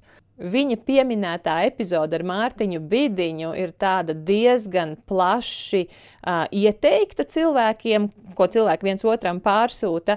Un uh, šeit ir arī nu, iemesls, kāpēc. Viena no mana, manām vērtīgākajām uh, sērijām bija ar Mārtiņu Bidiņu, jo tas ir ļoti skaidri un krasi mainījis uh, manu sapratni, manu uztveri uh, par to, ko es ēdu, kāpēc es ēdu. Uh, Sekoju arī pēc tam viņa uztura projektam, kas man vēl padziļināja zināšanas. Un, man, manuprāt, viena no tādām galvenajām atziņām vispār pēdējā gada laikā ir par to, cik, svarīgi ir, cik svarīgas ir olbaltumvielas un kā tās būvē manu ķermeni. Tā kā tas ir mans lielākais paldies Mārtiņam par to, kā iedvesmo, ka pastāsta skaidri un uh, cerēs bišķiņ brutāli, bet tas aiziet. Tas strādā. Tēmas par psiholoģiju mūsu cilvēku jaudas podkāstā ir daudz un dažādas, gan par konfliktu risināšanu, gan par tikšanu galā ar toksiskiem cilvēkiem, narcistiskiem cilvēkiem, par tā izmantošanu partnerattiecībās, kolektīvā. Un man ir ļoti liels prieks, ka mēs kā, tādā veidā viens otru iedrošinām atļauties darīt to, kas mūs interesē. Nu, piemēram, Rita mums uzrakstīja, ka pateicoties cilvēku jaudas sarunām, esmu iemācījusies uzdrīkstēties realizēt to, ko patiesi vēlos. Šīs sarunas pie manis nonāca brīdī, kad aizgāju no darba un nezināju, ko dzīvē darīt tālāk. Esmu mamma, sieva, turklāt vairāk nekā septiņus gadus nostrādāju mēdījos, kur šķietami no malas izskatās, ka viss taču ir gluži kā medusmaize.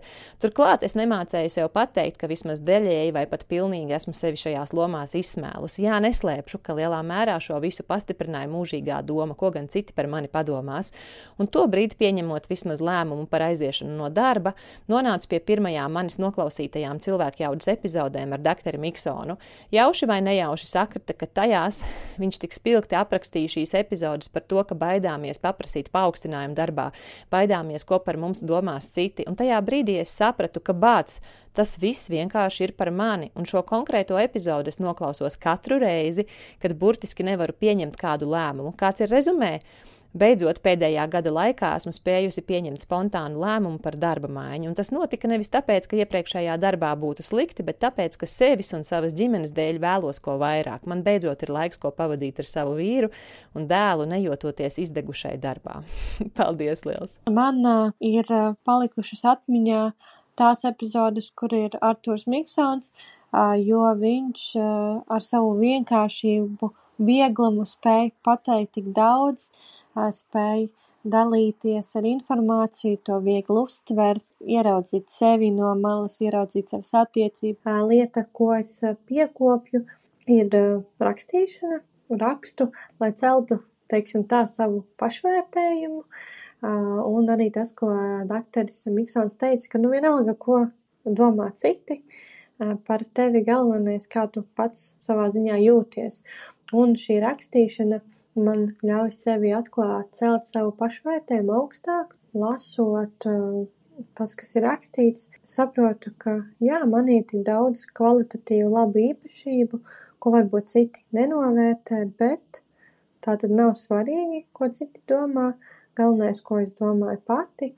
Redzot to, cik man pašai ir svarīgi, lai es atļaujos dzīvot saskaņā ar to, kas es esmu, ko es gribu, kas mani interesē, es jūtu lielu atbildību cilvēku priekšā, lai nu, palīdzētu viņiem sajust, uh, uztaustīt to, kas ir viņu sirdslieta, kas ir viņu aicinājums.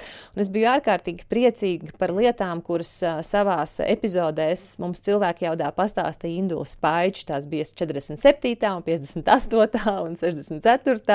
Kur viņš stāstīja gan kā atrast uh, savu aicinājumu un ceļu, gan arī atbildēja uz jautājumiem par šķēršļiem, kas nu, traucē tikt tam pāri, un vēl Induls palīdzēja ieraudzīt, kā tās savas tumšās puses pieņemšana, rēķināšanās ar to arī ir vērtīga lieta, lai mēs varam būt viengabalains cilvēks, kurš bauda savu dzīvi.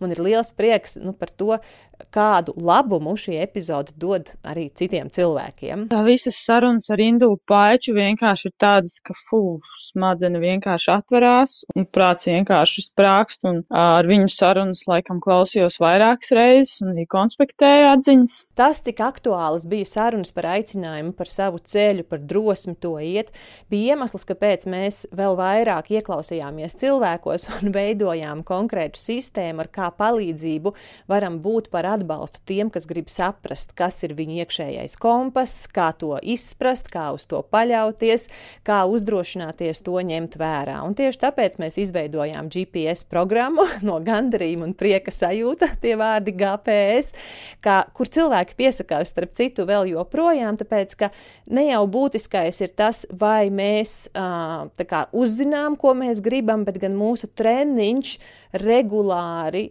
sajust, kā mēs, lai vai kāda būtu mūsu situācija, varam iet uz to, kas mūs interesē, uz to, ko mēs vēlamies, uz to, ko mēs gribam, uz to, kas mums ir vajadzīgs. Un katra mūsu cilvēka jaudas intervija ir veltīta tam, kaut kādai tēmai, lai cilvēkā atjaunotu ar šīs epizodes palīdzību lielāku ticību saviem spēkiem un tādu skaidrāku redzējumu, kā tikt garām, vai kā tikt pāri, vai kā iznīcināt vispār tos šķēršļus, kas ir viņa ceļā uz to, ko cilvēks vēlas. Nu, piemēram, Ilze te raksta, ka intervijās es ieraudzīju sevī savu cilvēku jaudu, ka es drīkstu sapņot un darīt. Tepat nebija vēl sākumā runa par patiešām darīt, bet vispār atļaut sev par to sapņot. Kur es esmu tagad? Mans veselīgais dzīvesveids, kas šķita kā tikai hobijs, izrādījās mans trūkstošais pašpiepildījuma avots.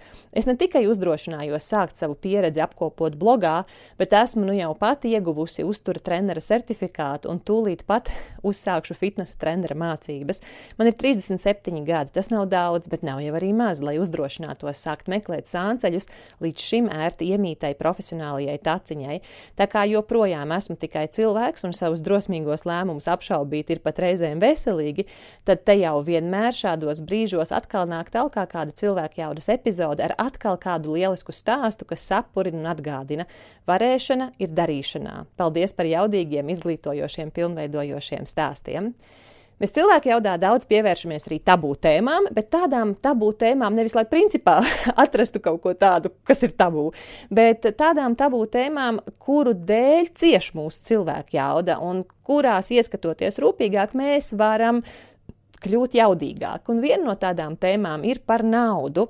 Un, piemēram, ar finanšu pratības treneri Elīnu Pelčeri mums ir pat veselas trīs epizodes, no kurām pirmā man šķiet bija tāda, nu, kas cilvēkus īpaši sakustināja saprast savu situāciju. Es personīgi ļoti izmantoju to, ko Elīna uh, māca, to, ko viņa skatās, jo nu, viņa šajā vietā dzīvo. Bet uh, man arī ļoti patīk tas, ko uh, tēvu radio vadītājs, tas arī starp citu podkāsts ļoti iesaku, Gatis Midrovskis uh, stāstīja par savu iegūmu no šīs epizodes. Viens no piemēriem ir Elīnas Pelčeres šie lieliskie padomi finanšu vadībā. Viens piemērs, ko es esmu darījis, kā pieņemsim, uh, kursa veidošanā, nu, vai arī jebkura cita produkta uh, veidošanā, kā, kādas cenas likt, vai, nu, teiksim, kādu ciparu nostādīt uh, saviem pakalpojumiem. Un tas piemērs ir par to, ka izdomā, jā, cik tad, nu, tev ir reāli vajadzīgs, lai, uh, lai, lai tu justos labi savā ādā, cik tev ir vajadzīgi ienākumi uh, mēnesī, no tā sadalot, nu, cik tad īstenībā tev vajadzētu no klientiem pieprasīt, bieži vien cilvēki attovās pie tā, ka, nu, nē, nu, neviens jau tādu ciparu nemaksās, bet padomāt no tās puses, ka šo savu pakalpojumu, savu kursu izveidot un piedāvāt ar tik lielu pievienoto vērtību, ka šis milzīgais cipars, īstenībā, ko tu esi uzlicis, īstenībā liktos kā ar lielu atlaidi, un, un cilvēks justos muļķīgi neizmantot šo iespēju. Tas vienkārši atmaksājas, un cilvēki to ņem pretī. Tad vēl viena tabū tēma, kas ietekmē mūsu cilvēku jaudu, ir atkarības. Un šeit es gribu nolasīt Māras rakstīto, ka sarunas ar Kasparu Simonoviču mums ar vīru bija transformējošas. Transformējošas izpratnes ziņā par to, kas notiek mūsu dzīvē. Beidzot, kāds salika koncentrēti pa plauktiņiem galvenās lietas, kas nepieciešamas jebkuram atkarīgajam, lai beidzot paskatītos uz savu situāciju no malas un rastu veidus, kā kustēties tālāk pa dzīvi, lai atkarības nav tās, kas noteica manu vai mūsu dzīves kvalitāti. No sirds pateicos, kas par Simonoviču ir palīdzējis saprast tik daudz, ko, ka tagad esam jau uz jauna veselīguma ceļa. Es jau šobrīd esmu apguvusi tik daudz, ka zinu, ka izvēlēšos dzīvot dzīvi daudz patiesāk, īstāk un vairs nebūtu atkarību virpulī. Un pat ja atkal paslīdēšu, es zinu, ka man ir metodas, kā atgriezties pie tā īstā veselīgā ceļa. Esmu noskatījusies iespējams visas epizodes un no katras paņemu ko tādu, kas nepieciešams, bet kas par Simonoviču ir trāpījis vienkārši man sirdī, un es nevaru palikt turpat, kur biju iepriekš. Vienkārši vairs nevaru. Otrs cilvēks, par kuru es ārkārtīgi priecājos, ka Laura ir aicinājusi uz cilvēku jaudas intervijām, jau vairākām. Tas ir Kaspars Simonovičs, jo viņš eh, runā par man ārkārtīgi svarīgu, ārkārtīgi dziļu tēmu, kas man ir tik ļoti būtiska par atkarībām. Mana atkarība ir ēšana, un tad ir ļoti viegli, kad Kaspars runā par eh, visām tām atkarībām tur jau nav tā, ka tas būtu tikai alkohols vai tikai narkotikas vai tikai smēķēšana. Es katrā šai vietiņā lieku vārdu ēdiens, ēšana, saldumi un uh, mācos no visa tā, ko Kaspars runā. Pēc tam jau arī noskatījos visus viņa 12 soļu programmu Elizajā un ārkārtīgi daudz no tā ieguvu. Ar Kasparu mums bija pavisam trīs epizodes. Viena bija par atkarībām, otra bija par līdzatkarību. Tad, kad atkarība ir kādam cilvēkam, kas būtisks tavā dzīvē, nezinu, partnerim, bērnam, vecākam, radiniekam, draugam, paziņam, darba kolēģim, un tas ietekmē tavu dzīves kvalitāti. Un vēl viena par uh, veselīgu pašapziņu pēc tam, kad cilvēkam ir bijušas uh, nopietnas grūtības bērnībā, dzīvojot disfunkcionālā vidē.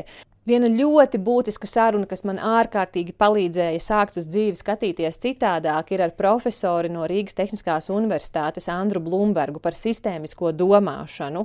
Tā ir epizode, ko es esmu ļoti sīki sevi izkonspektējusi, un ik pa laikam es kādu no šiem sistēmiskās domāšanas principiem nolieku sev deguna priekšā. Un, piemēram, viens no tādiem ļoti mīļiem Andras tādiem punktiem, ko viņa nu, palīdzēja saprast, bija par spēka pielikšanas punktu. Ka, lai vai kādā situācijā mēs būtu, tā sistēma, kas mūsu dzīvē nedarbojas, vai mums pretdarbojas, vai kaut kādā veidā ir nezinu, nobrukusi, ir kāda vieta, uz kuru iedarbojoties, mēs ar vismazāko piepūli varam dabūt vislabāko sev rezultātu. Nu, tas ir viens no iemesliem, kāpēc man ir izdevies sakārtot šīs ēšanas lietas manā ģimenē un arī fizisko kustību, regularitāti gan pašai sev, gan skatīties, lai tas ir arī vīram un bērniem, ka es vienkārši regulāri meklēju, kur ir šis spēka pielikšanas punkts. Es, ar vislielāko prieku šo epizodi iesaku vienkārši pa labi un pa kreisi. Man ir žēl, ka man nav iespēja to ieteikt cilvēkiem, kas runā angliski, jo nu, tā nodara neatkarīgi no tā, kurā vietā cilvēks dzīvo. Un tad vēl viena epizode ar uh, Omega pretterorismu vienības ilgadējo uh, komandieri Juri Grabovski. Uh, epizode par krīzi un par to, kā saglabāt kaut kādu savu tādu foršu rīcības spēju krīzes laikā, man ir ļoti palīdzējusi šajā pandēmijas laikā, kas ir viena liela krīze, kurā ir viena maza krīzīte pēc otras mazas krīzītes, kad pēkšņi plāni mainās un galīgi nekas nav tā kā vajadzīgs. Un es esmu ļoti pateicīga Grabovska kungam par tādu vienu, tā, vienu no vienkāršajiem konceptiem, ko viņš šajā sarunā iedeva, ka mūsu emocijas un, un prāts krīzes situācijā ir kā šūpoļu pretējā pusē, kad viens ir augšā, otrs ir lejā. Un tad, tad, kad notiek krīze, emocijas sit savu vilni un mums apmiglojās prāts. Un, tas variants prātiņš nāca mājās, bet prātiņš mājās nevar atnākt, jo mājas ir pilnas ar emocijām. Prātiņam mājā nav vietas. Un tāpēc tas, ko viņš teica, šajās situācijās laiks spēlē izšķirošu nozīmi, un galvenais ir sevi pasargāt, lai šajā emociju karstumā nesastrādātu ko tādu, kas pēc tam pašam cilvēkam nebūtu uh, izdevīgs. Un tā ir lieta, ko mēs ar vīru esam pārnesuši uz savu dzīvi, viens otram atgādinot. Vispirms nogaidīsim, vai tu vispirms nogaidi, vai tagad man ir jānogaida, un tikai pēc tam domāsim, ko darīt. Un tad, kad prātiņš atgriežas, jo emocijas ir pieribušas, tad var arī pieņemt sev vērtīgāko lēmumu tā emociju lieta man ir ļoti redzama, piemēram, arī cilvēku jaudas ierakstīšanas laikā. Tad, kad mēs ierakstām epizodes, bieži vien es esmu kaut kādīgi uztraukusies par to, vai man tā epizode izdosies, vai tas viesis ar mani labi jutīsies, vai es pareizos jautājumus uzdošu. Un reizēm šie mani eh, trau, nu, uztraukumi ir traucējoši komandai, ka tas vienkārši traucē viņiem darīt savu darbu. Un tad reizēm es tajā savā neprātā es pat nepamanu, ka es viņiem maisos pa kājām, cenšoties kaut ko palīdzēt, bet patiesībā visu apgrūtinot. Nu, manai kolēģei ir teiciens, ka mums ir tādi svētie vārdi. Ja, Tātad viss, kas ir saistīts ar skaņu, ar gaismām, ka ar to neviens nedrīkst grābstīties, jo tad nedod Dievs slikti ierakstīsies skaņa vai kaut kas pamainīsies nevajadzīgi gaismās. Un man ir pilnīgi tāda tendence, ka brīdī, kur es nevaldu par savām emocijām, jo es pat neapzinos to, cik es esmu satraukusies, es sāku vandīties tieši pa tiem vadiem. Un tad sanāk, ka es tos savus kolēģus nokaitinu. Es vienlaicīgi nesaprotu, kāpēc viņi ir aizkaitināti, jo viņi jau kuro reizi mēģina mani apstādināt un mēģina mani nomierināt, un es savukārt cenšos viņiem palīdzēt, bet visa tā mana palīdzēšana ir viena vienīga katastrofa. Es šajā ziņā, starp citu, atgādinu uh, Kņāzu Miškinu no Dostojevska idiota, ja, ka viņš atrodoties šajās te uh, greznajās aristokrāta svinībās, viņam bija viens vienīgs uzdevums, ko viņš pats zināja. Viņš nekādā gadījumā nedrīkst atrasties tajā istabā, kur stāv kaut kāda tur dārgā Ķīnas vāze. Un visu šo svinības laiku, svinību laiku viņš centās nekādā gadījumā nenonākt tajā istabā un nekādā gadījumā nebūt tās vāzes tuvumā, lai nekādā gadījumā šo vāzi nesaplēstu. Nu, un, protams, kā tu vari iedomāties, tieši to viņš panāca. Viņš atjēdzās gan tajā istabā, gan tās vāzes tuvumā, gan tajā, ka vāze viņa dēļ nu, ir sasista. Uh, starp citu, uh, grāmatu par no Dostojevska par idiotu. Mums manās, man sarunā ieteica arī Kārlis Danēvičs, kurš ir baņķieris un kurš sevi sauc arī par grāmatu tārpu. Mums abiem bija iespēja iepazīties kādā no konferencēm, un tad, kad Kārlis uzlika bildi uz ekrāna ar grāmatām, kas ir vien, nu, tas, ko viņas, tas, kas, tās, kuras viņu iedvesmo, es ieraudzīju, cik mums ar viņu daudz šo te uh, grāmatu, kas mums abiem patīk, un tāda viena bišķiņa uzjautrinoša lieta, lieta ir, ka Kārļa intervijā, kur it kā bija doma, mēs runāsim gan par grāmatām, gan par naudu, tāds viens tāds ļoti būtisks pagrieziena punkts bija, cik daudz cilvēku pēc tam teica, ka viņi ir uzlabojuši savu atkal lasīt prieku un savu lasīt aizrautību. Un, piemēram, viens no cilvēkiem ir Agnes, reku viņas stāsts. Uz mani diezgan manām ietekmi ir atstājusi intervija ar numuru 85, kas bija ar Kārlu Deneviču. Sākumā, kad uzzināju, ka intervija būs par grāmatām un literatūru, es sagatavojos uz nāvīgi garlaicīgi priekš manas interviju, jo, nu, Ne kaunos, ne lielos, bet pati gandrīz nevienu grāmatu pēdējā desmitgadē izlasījis neesmu. Pirmkārt, jau mani pārsteidza tas, ka grāmatārps manā prātā tā neizskatās. Otrkārt, Kārļa mīlestība un cieņa pret grāmatām un literatūru mani aizrāva tā, ka pavērta muti noklausījos visu to interviju. Un, cik dzirdēju, tad pēc šīs intervijas grāmatnīcās tika kosmiskā ātrumā izpirkts Dostojevski idiots. Nu, tik tālu gan es negāju. Bet es eh, sagadījos ciemos pie draudzenes, kura ir eh, bibliotēkas cienīgs grāmatu plaukts. Tad nu iespiedu rokas sānos un domāju, nu labi, I'll give it a chance.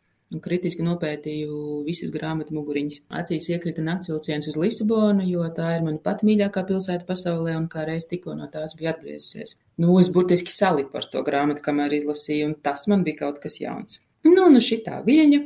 Mani nabaga trīs bērni un vīri Ziemassvētkos dabūja grāmatu kalnus. un arī braucot atpūsties uz siltajām zemēm, no pieciem čemodāniem viens bija pilns ar grāmatām. Un uz uh, vīra jautājumu zīmēm acīs es vienkārši noraustīju plecus un pateicu, tā vajag. Protams, ka mēs tos kalnus neizlasījām, bet nu, tas jau nav tik svarīgi. Tā sēkla ir iedēstīta un par to milzīgs paldies Kārlim. Un par grāmatām runājot, tas ir arī diezgan forši. Mani ļoti priecēja, ka tad, kad cilvēki jaudā kādā no epizodēm, uh, intervējamais cilvēks iesaka vērtīgu grāmatu, tad nu, mēs, cilvēku jaudas fani, cilvēku jaudas kopiena, to grāmatu mēdzam diezgan ātri izpirkt pēdējā spilgtākā saruna, kura man palikusi atmiņā, un kuru pēc sarunas es ne tikai nošēroju Instagram storijos, bet uh, nosūtīju arī konkrētām draudzenēm noklausies, tev šis ir jādzina, bija ar Kārlu Danēviču, Seb Baņķieri, un uh, man uh, saskanēja vērtības, uh, viņa dzīves vērtības un tāds dzīves viedums, ar ko viņš dalījās, un uh, cik ļoti viņš uh, ar pietātu mīlestību runāja par izlasītajām grāmatām un kādas atziņas no tām nāca, mani motivēja mudināja, ka es arī vēlos veltīt vairāk laiku grāmatu lasīšanai. Uh, tas, kā viņš, kā banķieris, bet arī, zin, kā tēvs, um, māca un rāda saviem bērniem par um, finanšu pratību.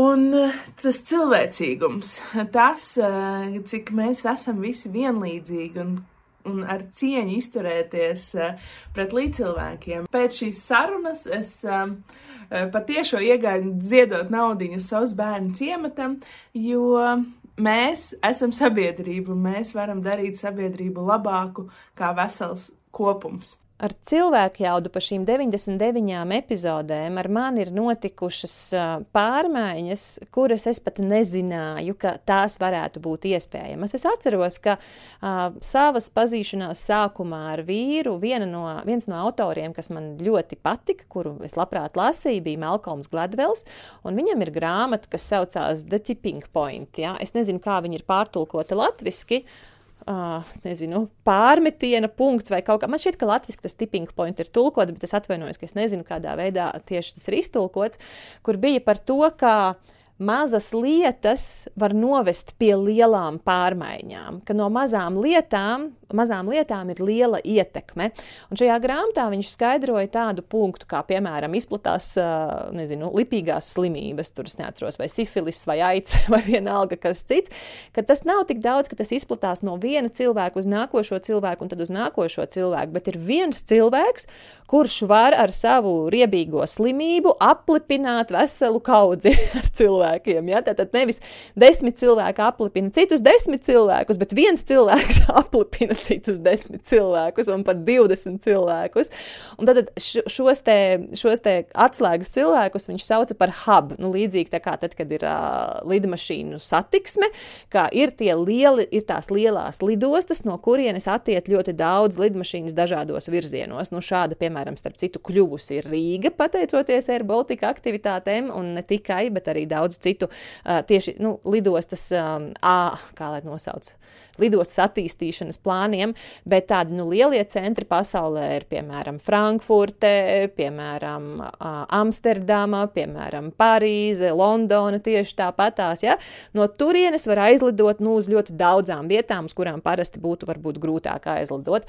Un es atceros, ka šo grāmatu lasot, mēs abi ar vīru to lasījām un pārunājām. Mums tāda lieta likās, bet pagaidi, ja šādi izplatās sliktas lietas, tad tieši tāpat izplatās arī labas lietas. Un arī uh, Malcolm Gladwell savā grāmatā bija parādījis, ka tiešām to var arī darīt, lai apkarotu noziedzību, lai ieviestu labus paradumus. Un mums toreiz ar vīru bija tāda sajūta, hei, bet mēs arī varētu tā kā pielikt savu roku, lai, ja nu gadījumā mēs varam būt tāds hub, tāds centrs, caur kuru izplatās labas idejas, kas uzlabo cilvēku dzīves kvalitāti, kas atvesaļo mūsu planētu, kas risina tās problēmas, kuras mums, mūsu apkārtnē nav vajadzīgas, no kurām ir nepieciešams atbrīvoties, lai dzīve ir foršāka. Un viena lieta, ko es redzu savā ziņā, cilvēka jauda pati ir kaut kādīgi kļūsi par šādu te hubu. Piemēram, mana saruna ar Mārtiņu Rītiņu, kur mēs runājām gan par meistarību, tā ir 93. saruna, gan arī mēs runājām par drosmi būt citādākam. Es ļoti cerēju, ka Mārtiņa stāsts iedvesmos cilvēkus vairāk atļauties būt sev pašiem, jo viņa piemērs ir nu, ļoti spēcīgs par to, ko tas viņam dod. Viņš arī atbildēja, ka viņš var atļauties būt viņš pats. Un tā bija arī ļoti aizkustinoša saruna. Apraudājos es, apraudājās Mārtiņš, kā man rakstīja gan daudz cilvēku jaudas klausītāji. Arī viņi raudāja līdz kaut kādos aizkustinājuma brīžos, bet es īpaši sajūsminos par stāstu no hospisa Ilzas Neimanes Nešporas par to, ko šī saruna nozīmēja viņai brīdī, kad viņa bija gatava padoties par Mārtiņu interviju. Es raudāju vienkārši, es nezinu, es, ne, es neatceros, ka es būtu tā raudājusi.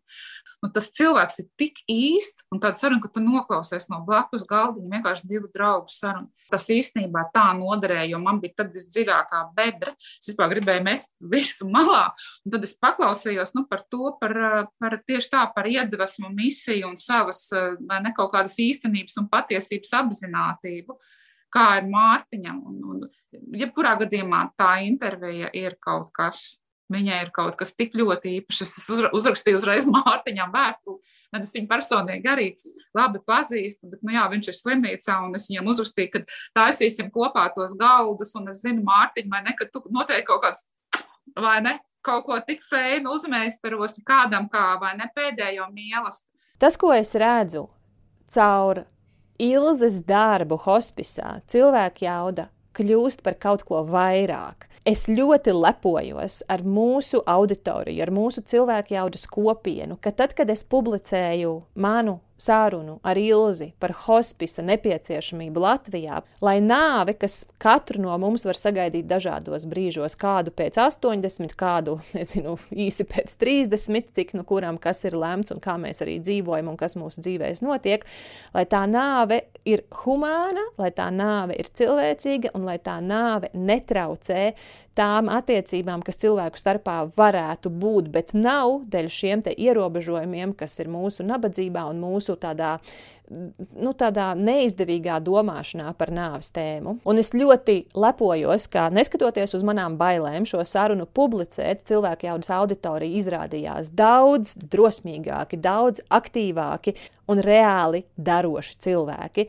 Ilz man pastāstīja, kāpēc šīs sarunas, kāda bija atsaucība, un viņas stāstītā rezultātā Kārlis Bardelis, kurš turpina savu airēšanu pāri klusajam okeānam un tagad airē Indijas okeānā, izvēlējās arī dot savu atbalstu hospisa pirmās ēkas celšanai. Te ir Kārļa stāsts. Es noskatījos, noklausījos cilvēku jautas epizodu ar Ilzu Nešporu.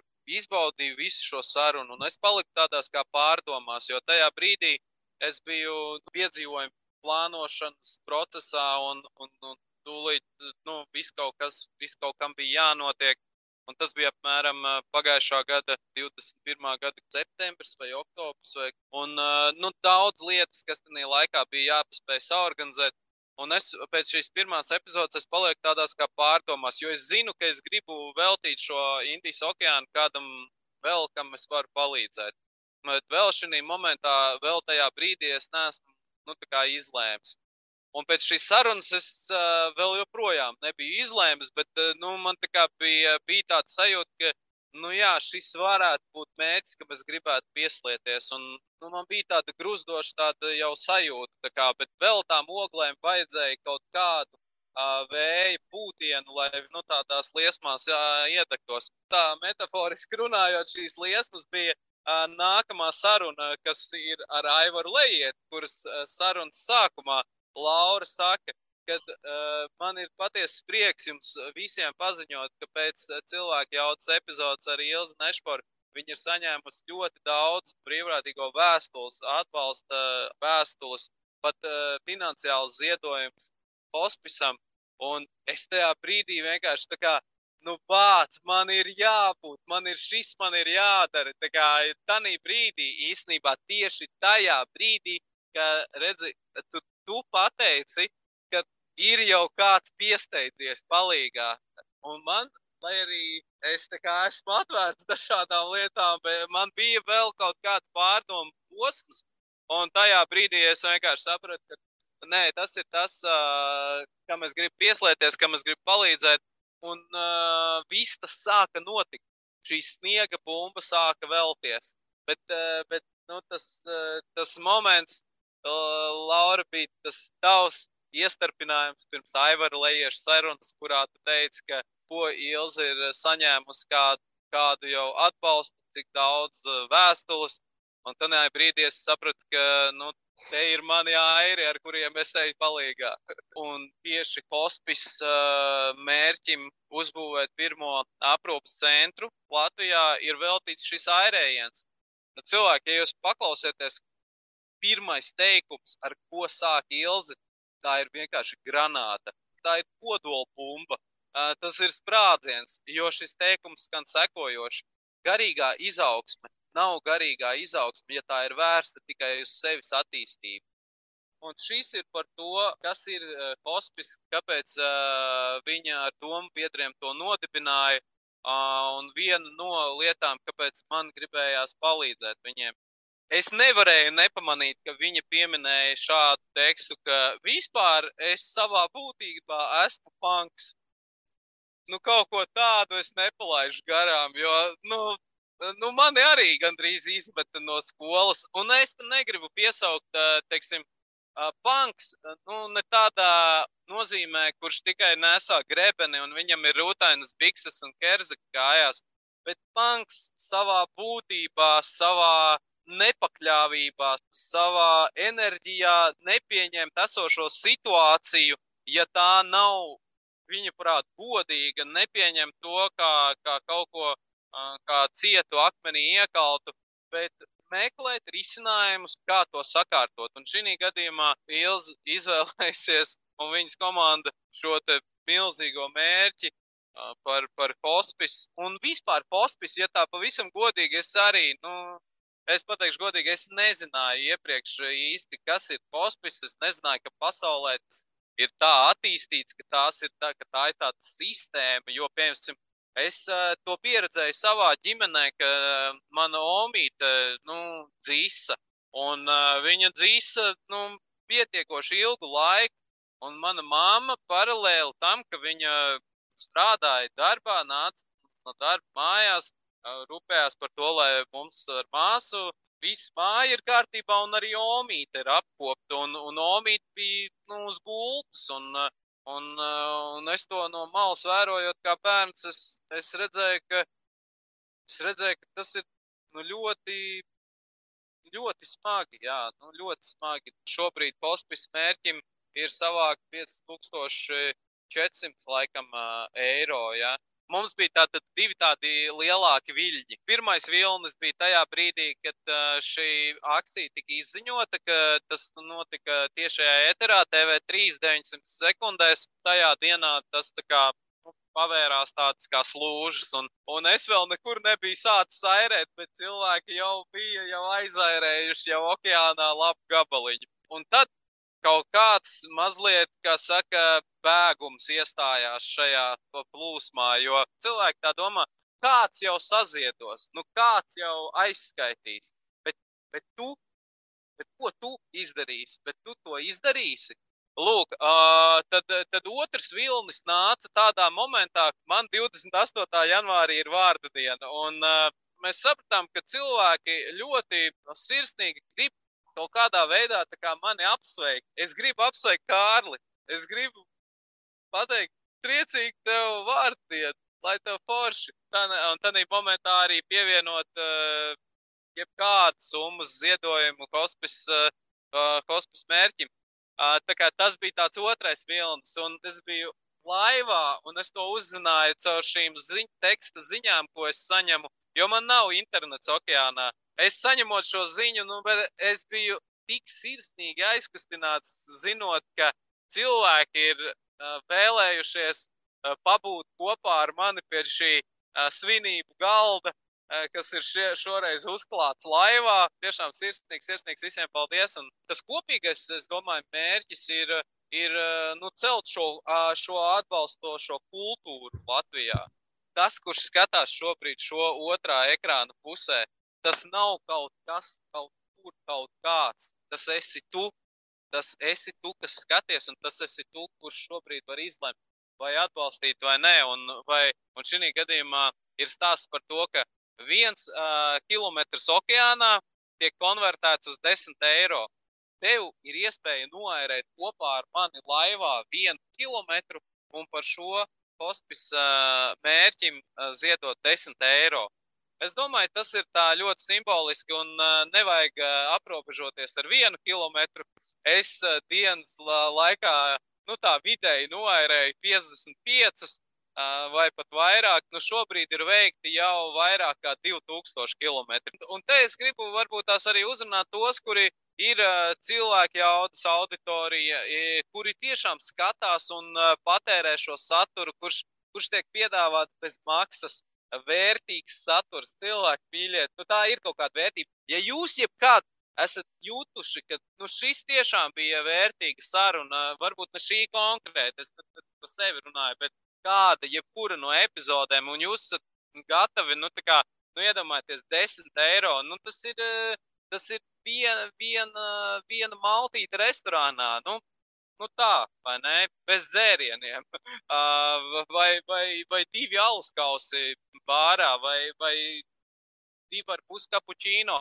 Nu, pavērtējiet to, vai tiešām kāda no cilvēku jautas epizodēm un visu to, ko Laura ir darījusi, piedāvājot šo vērtīgo saturu ar, ar interesantiem, iedvesmojošiem cilvēkiem, vai tas ir bijis nu, šo divu, trīs kapučīno vērtībā? Nu, padomājiet. Nu, man liekas, ka ir vismaz vairāk kā, kā viens. Jebkurā gadījumā visiem tiem, kuri jau ir pievienojušies, man tiešām sirsnīgs, sirsnīgs paldies. Es, es protams, airēšu. Jūs zinat, es nekur nelikšos. Un uh, man būtu ļoti, ļoti uh, nu, sirsnīgi, priecīgi ap sirdi, ja jūs vēl un vēl pievienotos ar mani laivā un virtuāli noērētu kādu, kādu kilometru. Es tiešām ticu, ka ar cilvēku jaudas palīdzību mēs reāli varam mainīt sistēmu, kas nereāli ilgi ir nu, neadekvātā, briesmīgā, katastrofālā, mūsu pašus un mūsu mīļos apdraudošā stāvoklī. Tāpēc es ļoti aicinu ieklausīties tevi tajā, ko stāsta Ilze un uz ko viņa mūs aicina, un darām kopā, nu, mainām to sistēmu. Izmantojam cilvēku jaudas simto epizodi, lai mums sanāktu. Pēc cilvēku jautājumu nopublicētās hospisa epizodes, kas notika? Ak, Dievs, kas tik nenotika? Es saņēmu pirmajā mēnesī 77 vēstules. 77. Tas man bija 77 iedvesmas turpināt. Un tās nebija parastas vēstules, tie bija cilvēku stāsti, tas bija izsāpētas lietas, tie bija personīgie pārdzīvojumi. Un uh, liels vairums no šiem pieteikumiem cilvēki tālāk turpināja, jo mums bija kursi, par tiem es stāstīju cilvēku jaudā. Un kursos no šiem 77 cilvēkiem pieteicās vairāk kā 40. Ja mēs vispār runājam skaidros, tad mums ir kopā šobrīd 132 brīvprātīgie, kas ir noklausījušies šo pilnu apmācību kursu. Tie ir cilvēki, kuriem tāpat kā man un tev, mums nav viena alga. Tas ir stāsts par to kustību, par mūsu visu iesaisti tajā kustībā, par to, ka mēs Latvijā tiešām veidojam kaut ko fenomenālu. To cilvēku arī raksta, ka viņi jūt to dzirksteli, viņi jūt, ka mēs ar tevim par to degam. Šobrīd arī Kārlis par to deg, deg visa mūsu komanda. Mums ir sāksies jau mājas aprūpe. Un tieši pateicoties, man liekas, tai lielajai iedvesmai, ko tieši tu, Laura, devi. Pēc cilvēku jaudas epizodes mēs esam 108 draugi. 56 jūs esat anonīmi, bet vienalga, es jūs visus zinu. Pēc jūsu vēstulēm, pēc jūsu darbiem. Mēs kopā maksājam, no mazākā summa ir 5 eiro, lielākais draugs ir 100 eiro mēnesī, un tā katru mēnesi. Pirmā savāktā lielā summa mums lieti noderēja tieši mūsu pirmajiem kursiem. Kursus apmeklēja vairāk kā 60 cilvēki. Tie ir atkal jauni, brīvprātīgie, jaunas darba rokas, jauni palīgi. Un kas notika? Ziemassvētki, jaunais gads, paliatīvās nodaļas izskatījās tā kā nekad. Tik daudz, tik daudz piparkūku, cepumu, eglīšu, rotājumu, tik daudz sirsnības nebija nekad. Mūsu mājaslapa šobrīd ir trīs valodās. Kas to visu dara? Tie esat jūs, mūsu draugi un mūsu brīvprātīgie. Šeit ir princips, ka tā ir kustība. Tas ir virziens, tas ir tas, kas mums visiem nav vienalga, un katrs saliekot šo mazās puzles gabaliņu kopā, mēs veidojam vienu milzīgu, milzīgu skaistu bildi par to, kādam ir jāizskatās šim pirmajam Latvijas hospisam. Ir šobrīd sākusies arī mājas aprūpe, un tajā arī septiņi brīvprātīgie dodas ģimenēs palīgā cilvēkiem, mūsu aprūpētājiem.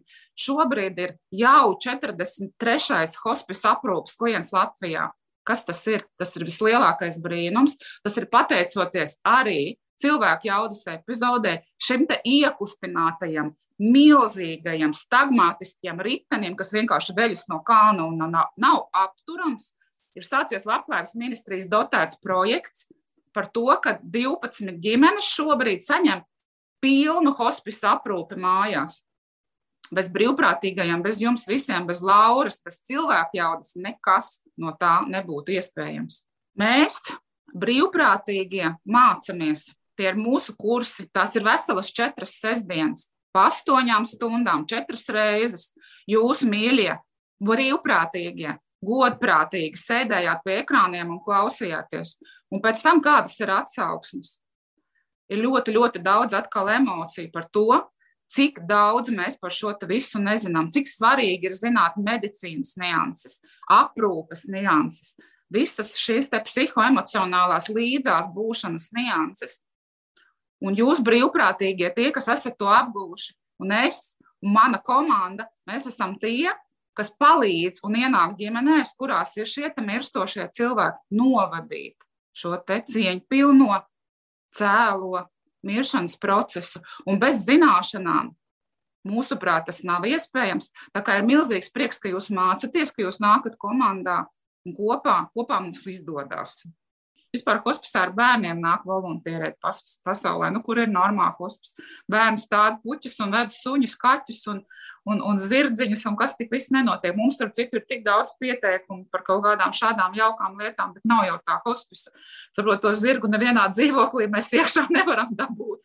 Tā kā, tā kā ja, būt, ja būs tas hospice, tad ar to visu sirds mīlestību, kas ir ielikta tieši caur šo te visu, caur, caur tevi, caur mani, caur visiem cilvēkiem, kas apkārt grib būvēt šo sistēmu, nu radīsim mēs to hospice. Un būs mums tur tas zirgs un suņi un kaķi un papagaili. Hospice tas nav par veciem cilvēkiem. Hospice tas ir par mums visiem. Jaunākais klients, pacients, Mūsu lokā nonākušais ir viena 35 gadus jauna sieviete. Pagājušajā gadā mēs cieņpilni palīdzējām aiziet 50 gadīgam vīrietim. Šis te visas ir ātrās nāves, tā ir onkoloģija. Par to, ka medicīna ir izdegusi, par to, ka medicīna nespēja diagnosticēt, un par to, ka onkoloģija tiek konstatēta 4. stadijā. Un tad, tad, manuprāt, visai pasaulē ir jāsadodas rokās lai šim te cilvēkam un viņa ģimenei palīdzētu. Jo mēs neviens nezinām, kad, kur un kāpēc, bet mēs visi tūkstošiem gadu viens otram esam palīdzējuši piedzimt un arī nomirt. Un to mēs šobrīd darām. 50-gadīgo vīrieti sauc Jānis. Tas nav kaut kāds anonīms, kaut kāds. Tas ir mūsu Jānis. Divus gadus atpakaļ viņš bija atradis savas dzīves lielo mīlestību. Un te pēkšņi diagnoze. Viņš ir piekalts pie gultas. Viņa mīļoto draugu mēs noformējām kā aprūpētāju. Viņa neizdega. Viņa nepalika bez līdzekļiem. Hospisa sistēma palīdzēja viņa mīlestībai nodzīvot tik ilgi, cik Jānim bija atvēlēts. Mēs uzrīkojām lieliskus svētkus, mēs piepildījām Jāņa pēdējo vēlēšanos. Tā bija tāda, lai viņš varētu savas mīļās Kristīnas dzimšanas dienu svinēt ārā. Ko nozīmē ārā mirstošam cilvēkam, pie gultas piekaltam? Tas nozīmē milzīgu sistēmu, kas palīdz viņu nonest no piektā stāva, ielikt specializētajā transportā, mediķa pavadībā, aizvest, iztumt ārā. Un tad nākam visi mēs brīvprātīgi ar kokteļiem, ar gardumiem. Tā bija vasara ar peldēm. Kristīna peldējās, mēs dzērām kokteļus. Jānis bija priecīgs. Un mums visiem nobera pasarai. Un tas viss kopā saucās hospice sistēma. Par to, kad nodzīvot brīvi, nodzīvot cieņpilni līdz pēdējai savai elpai. Hospice tā ir iespēja ar gultu izbraukt ārā Man lūzums notika tajā brīdī, kad kādus, laikam, divus gadus atpakaļ mēs nācām ar savu labdarības akciju Svētku galdas slimnīcās. Mēs nācām iekšā paliatīvās aprūpas nodaļā ar cienastiem, ar mūziku, ar, ar, ar absolūti citādāku attieksmi. Un tur bija jauna sieviete. Tātad dažādas sistēmas, vadi un ļoti lielas un dziļas skumjas acīs. Un vienīgais, ko viņa vēlas, viņa vēlas tikt ārā uzsmēķēt. Mediķi saka, tas nav iespējams, tas var beigties letāli, viņa vispār nav kustināma. Un iedomājies to situāciju, ka tev ir palikušas dažas dienas. Tu droši vien pēc čukstiem vai ārstu diagnozēm vai daudz visa pārējā, kas tev ir apkārt, tu nojaut un saproti, ka tā diena tuvojās un tev nav iespējas vienkārši tikt ārā. Mēs visi draudzīgi, brīvprātīgi ar šo te sievieti sačabinājām, ratos iebāzām, izvedām ārā. Un tagad ir šis pīpēšanas fakts, un es saprotu, ka viņi nemaz neprot pīpēt. Tie bija tādi skaisti meli, lai kāds viņu vienkārši izvestu ārā. Un tajā brīdī manī notika šis lūzums par to, ka tā nav jābūt. Kad uh, mums nav jāmirst vietās, un vidē, kas tam nav paredzēta un dizainēta, ka pret dzīvību ir jāizturas ar ļoti lielu cieņu līdz pēdējai elpai. Un par to visur ir padomāts. Tie ir hospisi ar lieliem logiem līdz zemē, lai tur ir ko redzēt. Lai ir liels un platas durvis, lai var izstumt ārā, vienkārši izstumt ārā. Kad snieg vai kad līst vai kad spīd saule. Tā ir sistēma. Un šo te hospisu pirmo mēs noteikti visi kopā uzcelsim. Tieši pateicoties arī tādiem, kā tu esi, un visiem mūsu 108 draugu kluba biedriem. Mums kopā izdosies. Šobrīd, veicot hospice aprūpu mājās, mēs redzam, kā izskatās cilvēku dzīves vietas. Viņas nav pielāgotas miršanai. Cilvēks ir piekāpts pie gultas mēnesi, divus, trīs.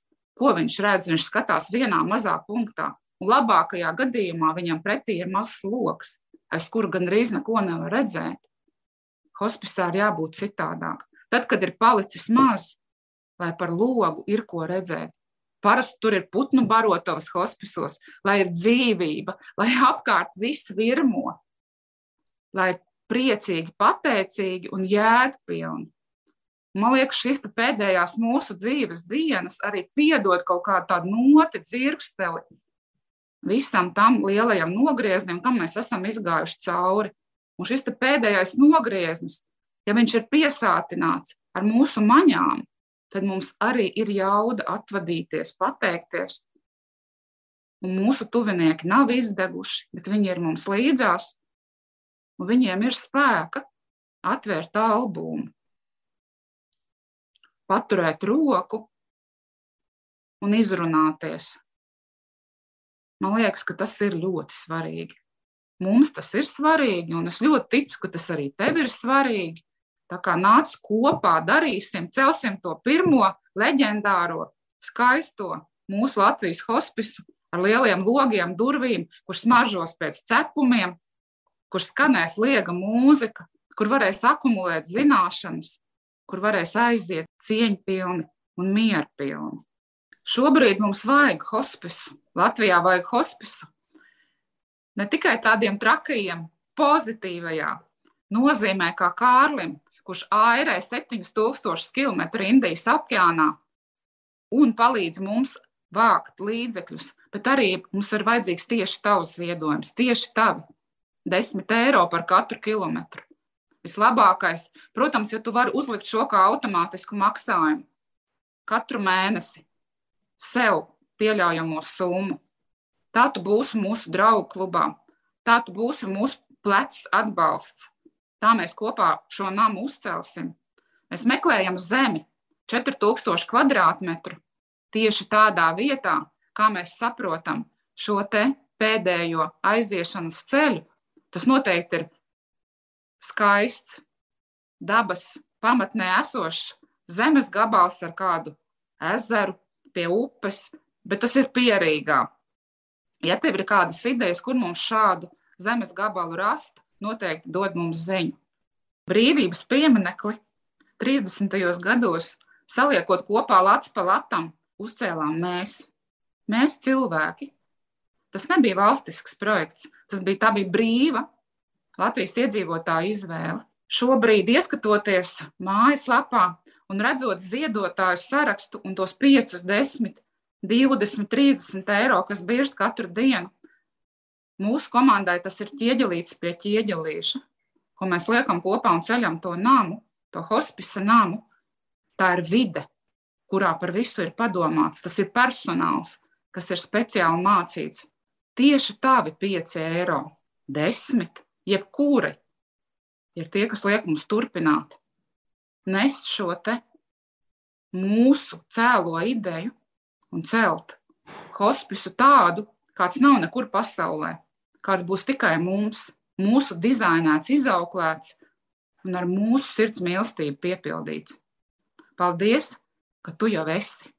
Lai cilvēku jaudas darbs turpinātos, un mēs kopā ietu šo savu izaugsmes ceļu uz pilnu savas jaudas, tādu lielāku un praktiskāku apzināšanos un izmantošanu.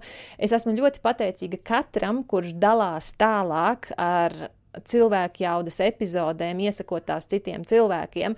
Es esmu pateicīga gan influenceriem, kuru dalīšanās ir nospēlējusi lielu lomu. Es esmu pateicīga tiem cilvēkiem, kas ir nu, sabiedrībā atpazīstamāki ar to, ka mums ir kaut kāda pieredze ar viņiem. Nu, piemēram, mēs saņēmām šo audio ierakstu no Elites Milgrāvis, kas arī atkal iedeva mums jaunu, dvašu, uh, iepūtu vēju mūsu burās iet uz priekšu. Hip, hip, hurā! Brīnišķīgajai visai cilvēku jaudas fantastiskajai, radošajai komandai. Sveicu jūs ar simto epizodi un gribu izteikt savu prieku un sajūsmu, ka jūs to darāt un milzīgu pateicību par to, ka jūs to darāt. Jo šīs epizodes mani pavada gan manās pastaigās uh, nūjām gar jūru, kā šobrīd, gan auto braukšanā, gan gan rīta rituālos. Es varu teikt, ka no katras epizodes es gūstu kādu iedvesmu, kādu ideju, kādu apstiprinājumu, ka es varbūt teju pareizajā virzienā. Nu, daudz vērtīga. Paplašinās mans redzesloks un ne tikai mans, bet arī manu tuvāko cilvēku, kuriem es pārsūtu un iesaku paklausīties. Es domāju, ka tas, ko jūs darāt, ir ļoti, ļoti vērtīgi. Tas ceļ kopumā mūsu sabiedrības zināšanas un uh, skatījumu uz dzīvi. Un es gribētu novēlēt, lai jums tiešām pietiek cilvēku jaudas. Cilvēku jauda nav mans projekts. Cilvēka jauda bija mana ideja kaut kādā brīdī, un es nezinu, no kurienes tā ideja atnāca. Bet cilvēka jauda ir mūsu visu, mūsu kopienas projekts. Cilvēka jauda ir mūsu kopienas sasniegums. Un, ja tu cilvēku jaudu klausījies vai skatījies, tad es gribu, lai tu skaidri saproti, ka arī tu esi iemesls kāpēc es un mūsu komanda šo darbu darām un kāpēc mēs vēlamies, lai tas izdodas arvien vairāk tāds, kas ir ļoti noderīgs un ļoti palīdzošs cilvēkiem. Kā piemēram, Kristīna, kas rakstīja, tiešām es gaidu katru jauno nedēļas lielo interviju. Parasti tās ar kaut ko gan pārsteidz, gan iedvesmo, un izrādās, ir vēl man apkārt cilvēki, kuri nezina un nepazīst cilvēku jaudu vai ugunsskolu. Kristīna, paldies tev, ka tu šo norādīji, jo realitāte tiešām tāda ir. Es pati, protams, dzīvoju cilvēku jaudas burbulī, mani apkārtējie cilvēki zina cilvēku jaudu. Ļoti daudz cilvēku jaudu fani arī kaut kādā veidā dzīvo burbulī, un viņiem šķiet arī visi apkārtējie. Nu, kurš tad nezina cilvēku jaudu vai ne? Bieži vien cilvēku jauda ir šo podkāstu pašā topā augšpusē, bet izrādās, nesen manā, viena no manām tādām foršām draudzenēm, kas ir trenere, uh, viņa strādāja ar lielu pārdošanas ķēdi, ar uh, pārdevējiem un uh, iesakot cilvēkiem, ko viņi var darīt savā labā, lai viņi jūtas labāk. Viņa konstatēja, ka neviens nepaceļ roku, tad, kad viņa jautā, vai kāds zina cilvēku jaudu. Neviens, un tie bija vairāki simti cilvēku. Tā kā mums apkārt joprojām ir ļoti daudz cilvēku, kuriem šī informācija var noderēt, ja vien mēs izvēlamies ar to dalīties tālāk un rēķināmies, jā, kad attieksme var būt dažāda, bet kādu tas sasniegs tieši tajā brīdī, kad tas viņu nu, cels augšā no tās bedres vai no tās neziņas vai no tās bezizējas sajūtas un ieraudzīt, jā, te ir varianti varianti, te ir risinājumi un te ir veids, kādā es cilvēks varu sākt rīkoties. Mums ļoti liels atbalsts tajā, lai cilvēki jauda sasniedz cilvēkus, kuri par to nezina, bet kuriem tas var palīdzēt, ir tad, ja tu tieši tu izvēlies dalīties ar cilvēku jaudu tālāk, bet arī tu mums vari palīdzēt vēl citos veidos. Ja tu aizēji uz YouTube kanālu cilvēku jauda un izvēlies tur nospiest subscribe, jeb parakstīšanās pogu, ja tu pie mūsu video, neskatoties uz to, ka tu tos varbūt jau dzirdēji vai kā izvēlies pielikt šo te uh, īkšķīts uz augšu zīmi, ja, ka man patīk, ja tu izvēlies pierakstīt kādu komentāru, varbūt ne tikai tāpēc, ka tev gribētos rakstīt, bet tāpēc, ka tu zini, zini, ka algoritmi to atpazīst un algoritmi šīs sarunas tāpēc parādīs citiem cilvēkiem. Tas mums ir nozīmīgs gan YouTube kanālā, gan Ugunsskola kanālā Facebook, gan Ugunsskola profilā uh, Instagramā. Gan, ka tu saglabā epizodi, ja tas tev ir vajadzīgs un iespējams, vai arī, ja tu tai uzliec kādu reakciju, kā piemēram sirsniņu, vai ja tu to pārsūti tālāk, ja tu to iekomentē.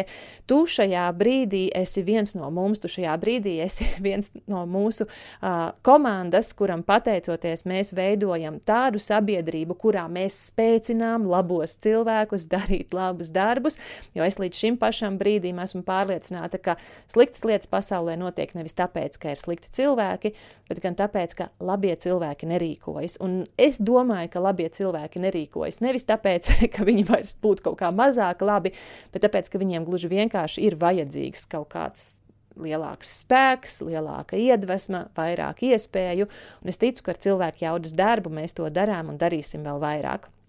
Kā paldies par jebkādu tavu atbalstu. Un, uh, palīdzēsim mēs kopā sasniegt arī šo te hospisa foršo mērķi par to, lai mums ir pirmā hospisa māja un pēc tās top vēl nākošās. Un es esmu pateicīga arī Aijai par viņas pārsteigumu negaidīto par dziesmu, ko viņa ir izveidojusi īpaši cilvēku jaudai.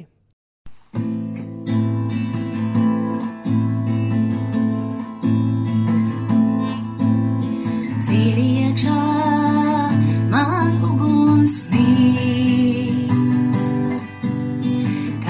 Sadedzināt vai sasildīt. Un tikai manās rokās ir spēks to vadīt. Manās rokās ir izvēle postīt vai radīt.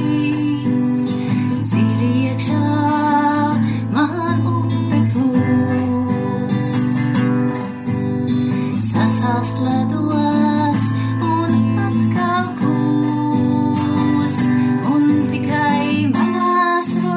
It's like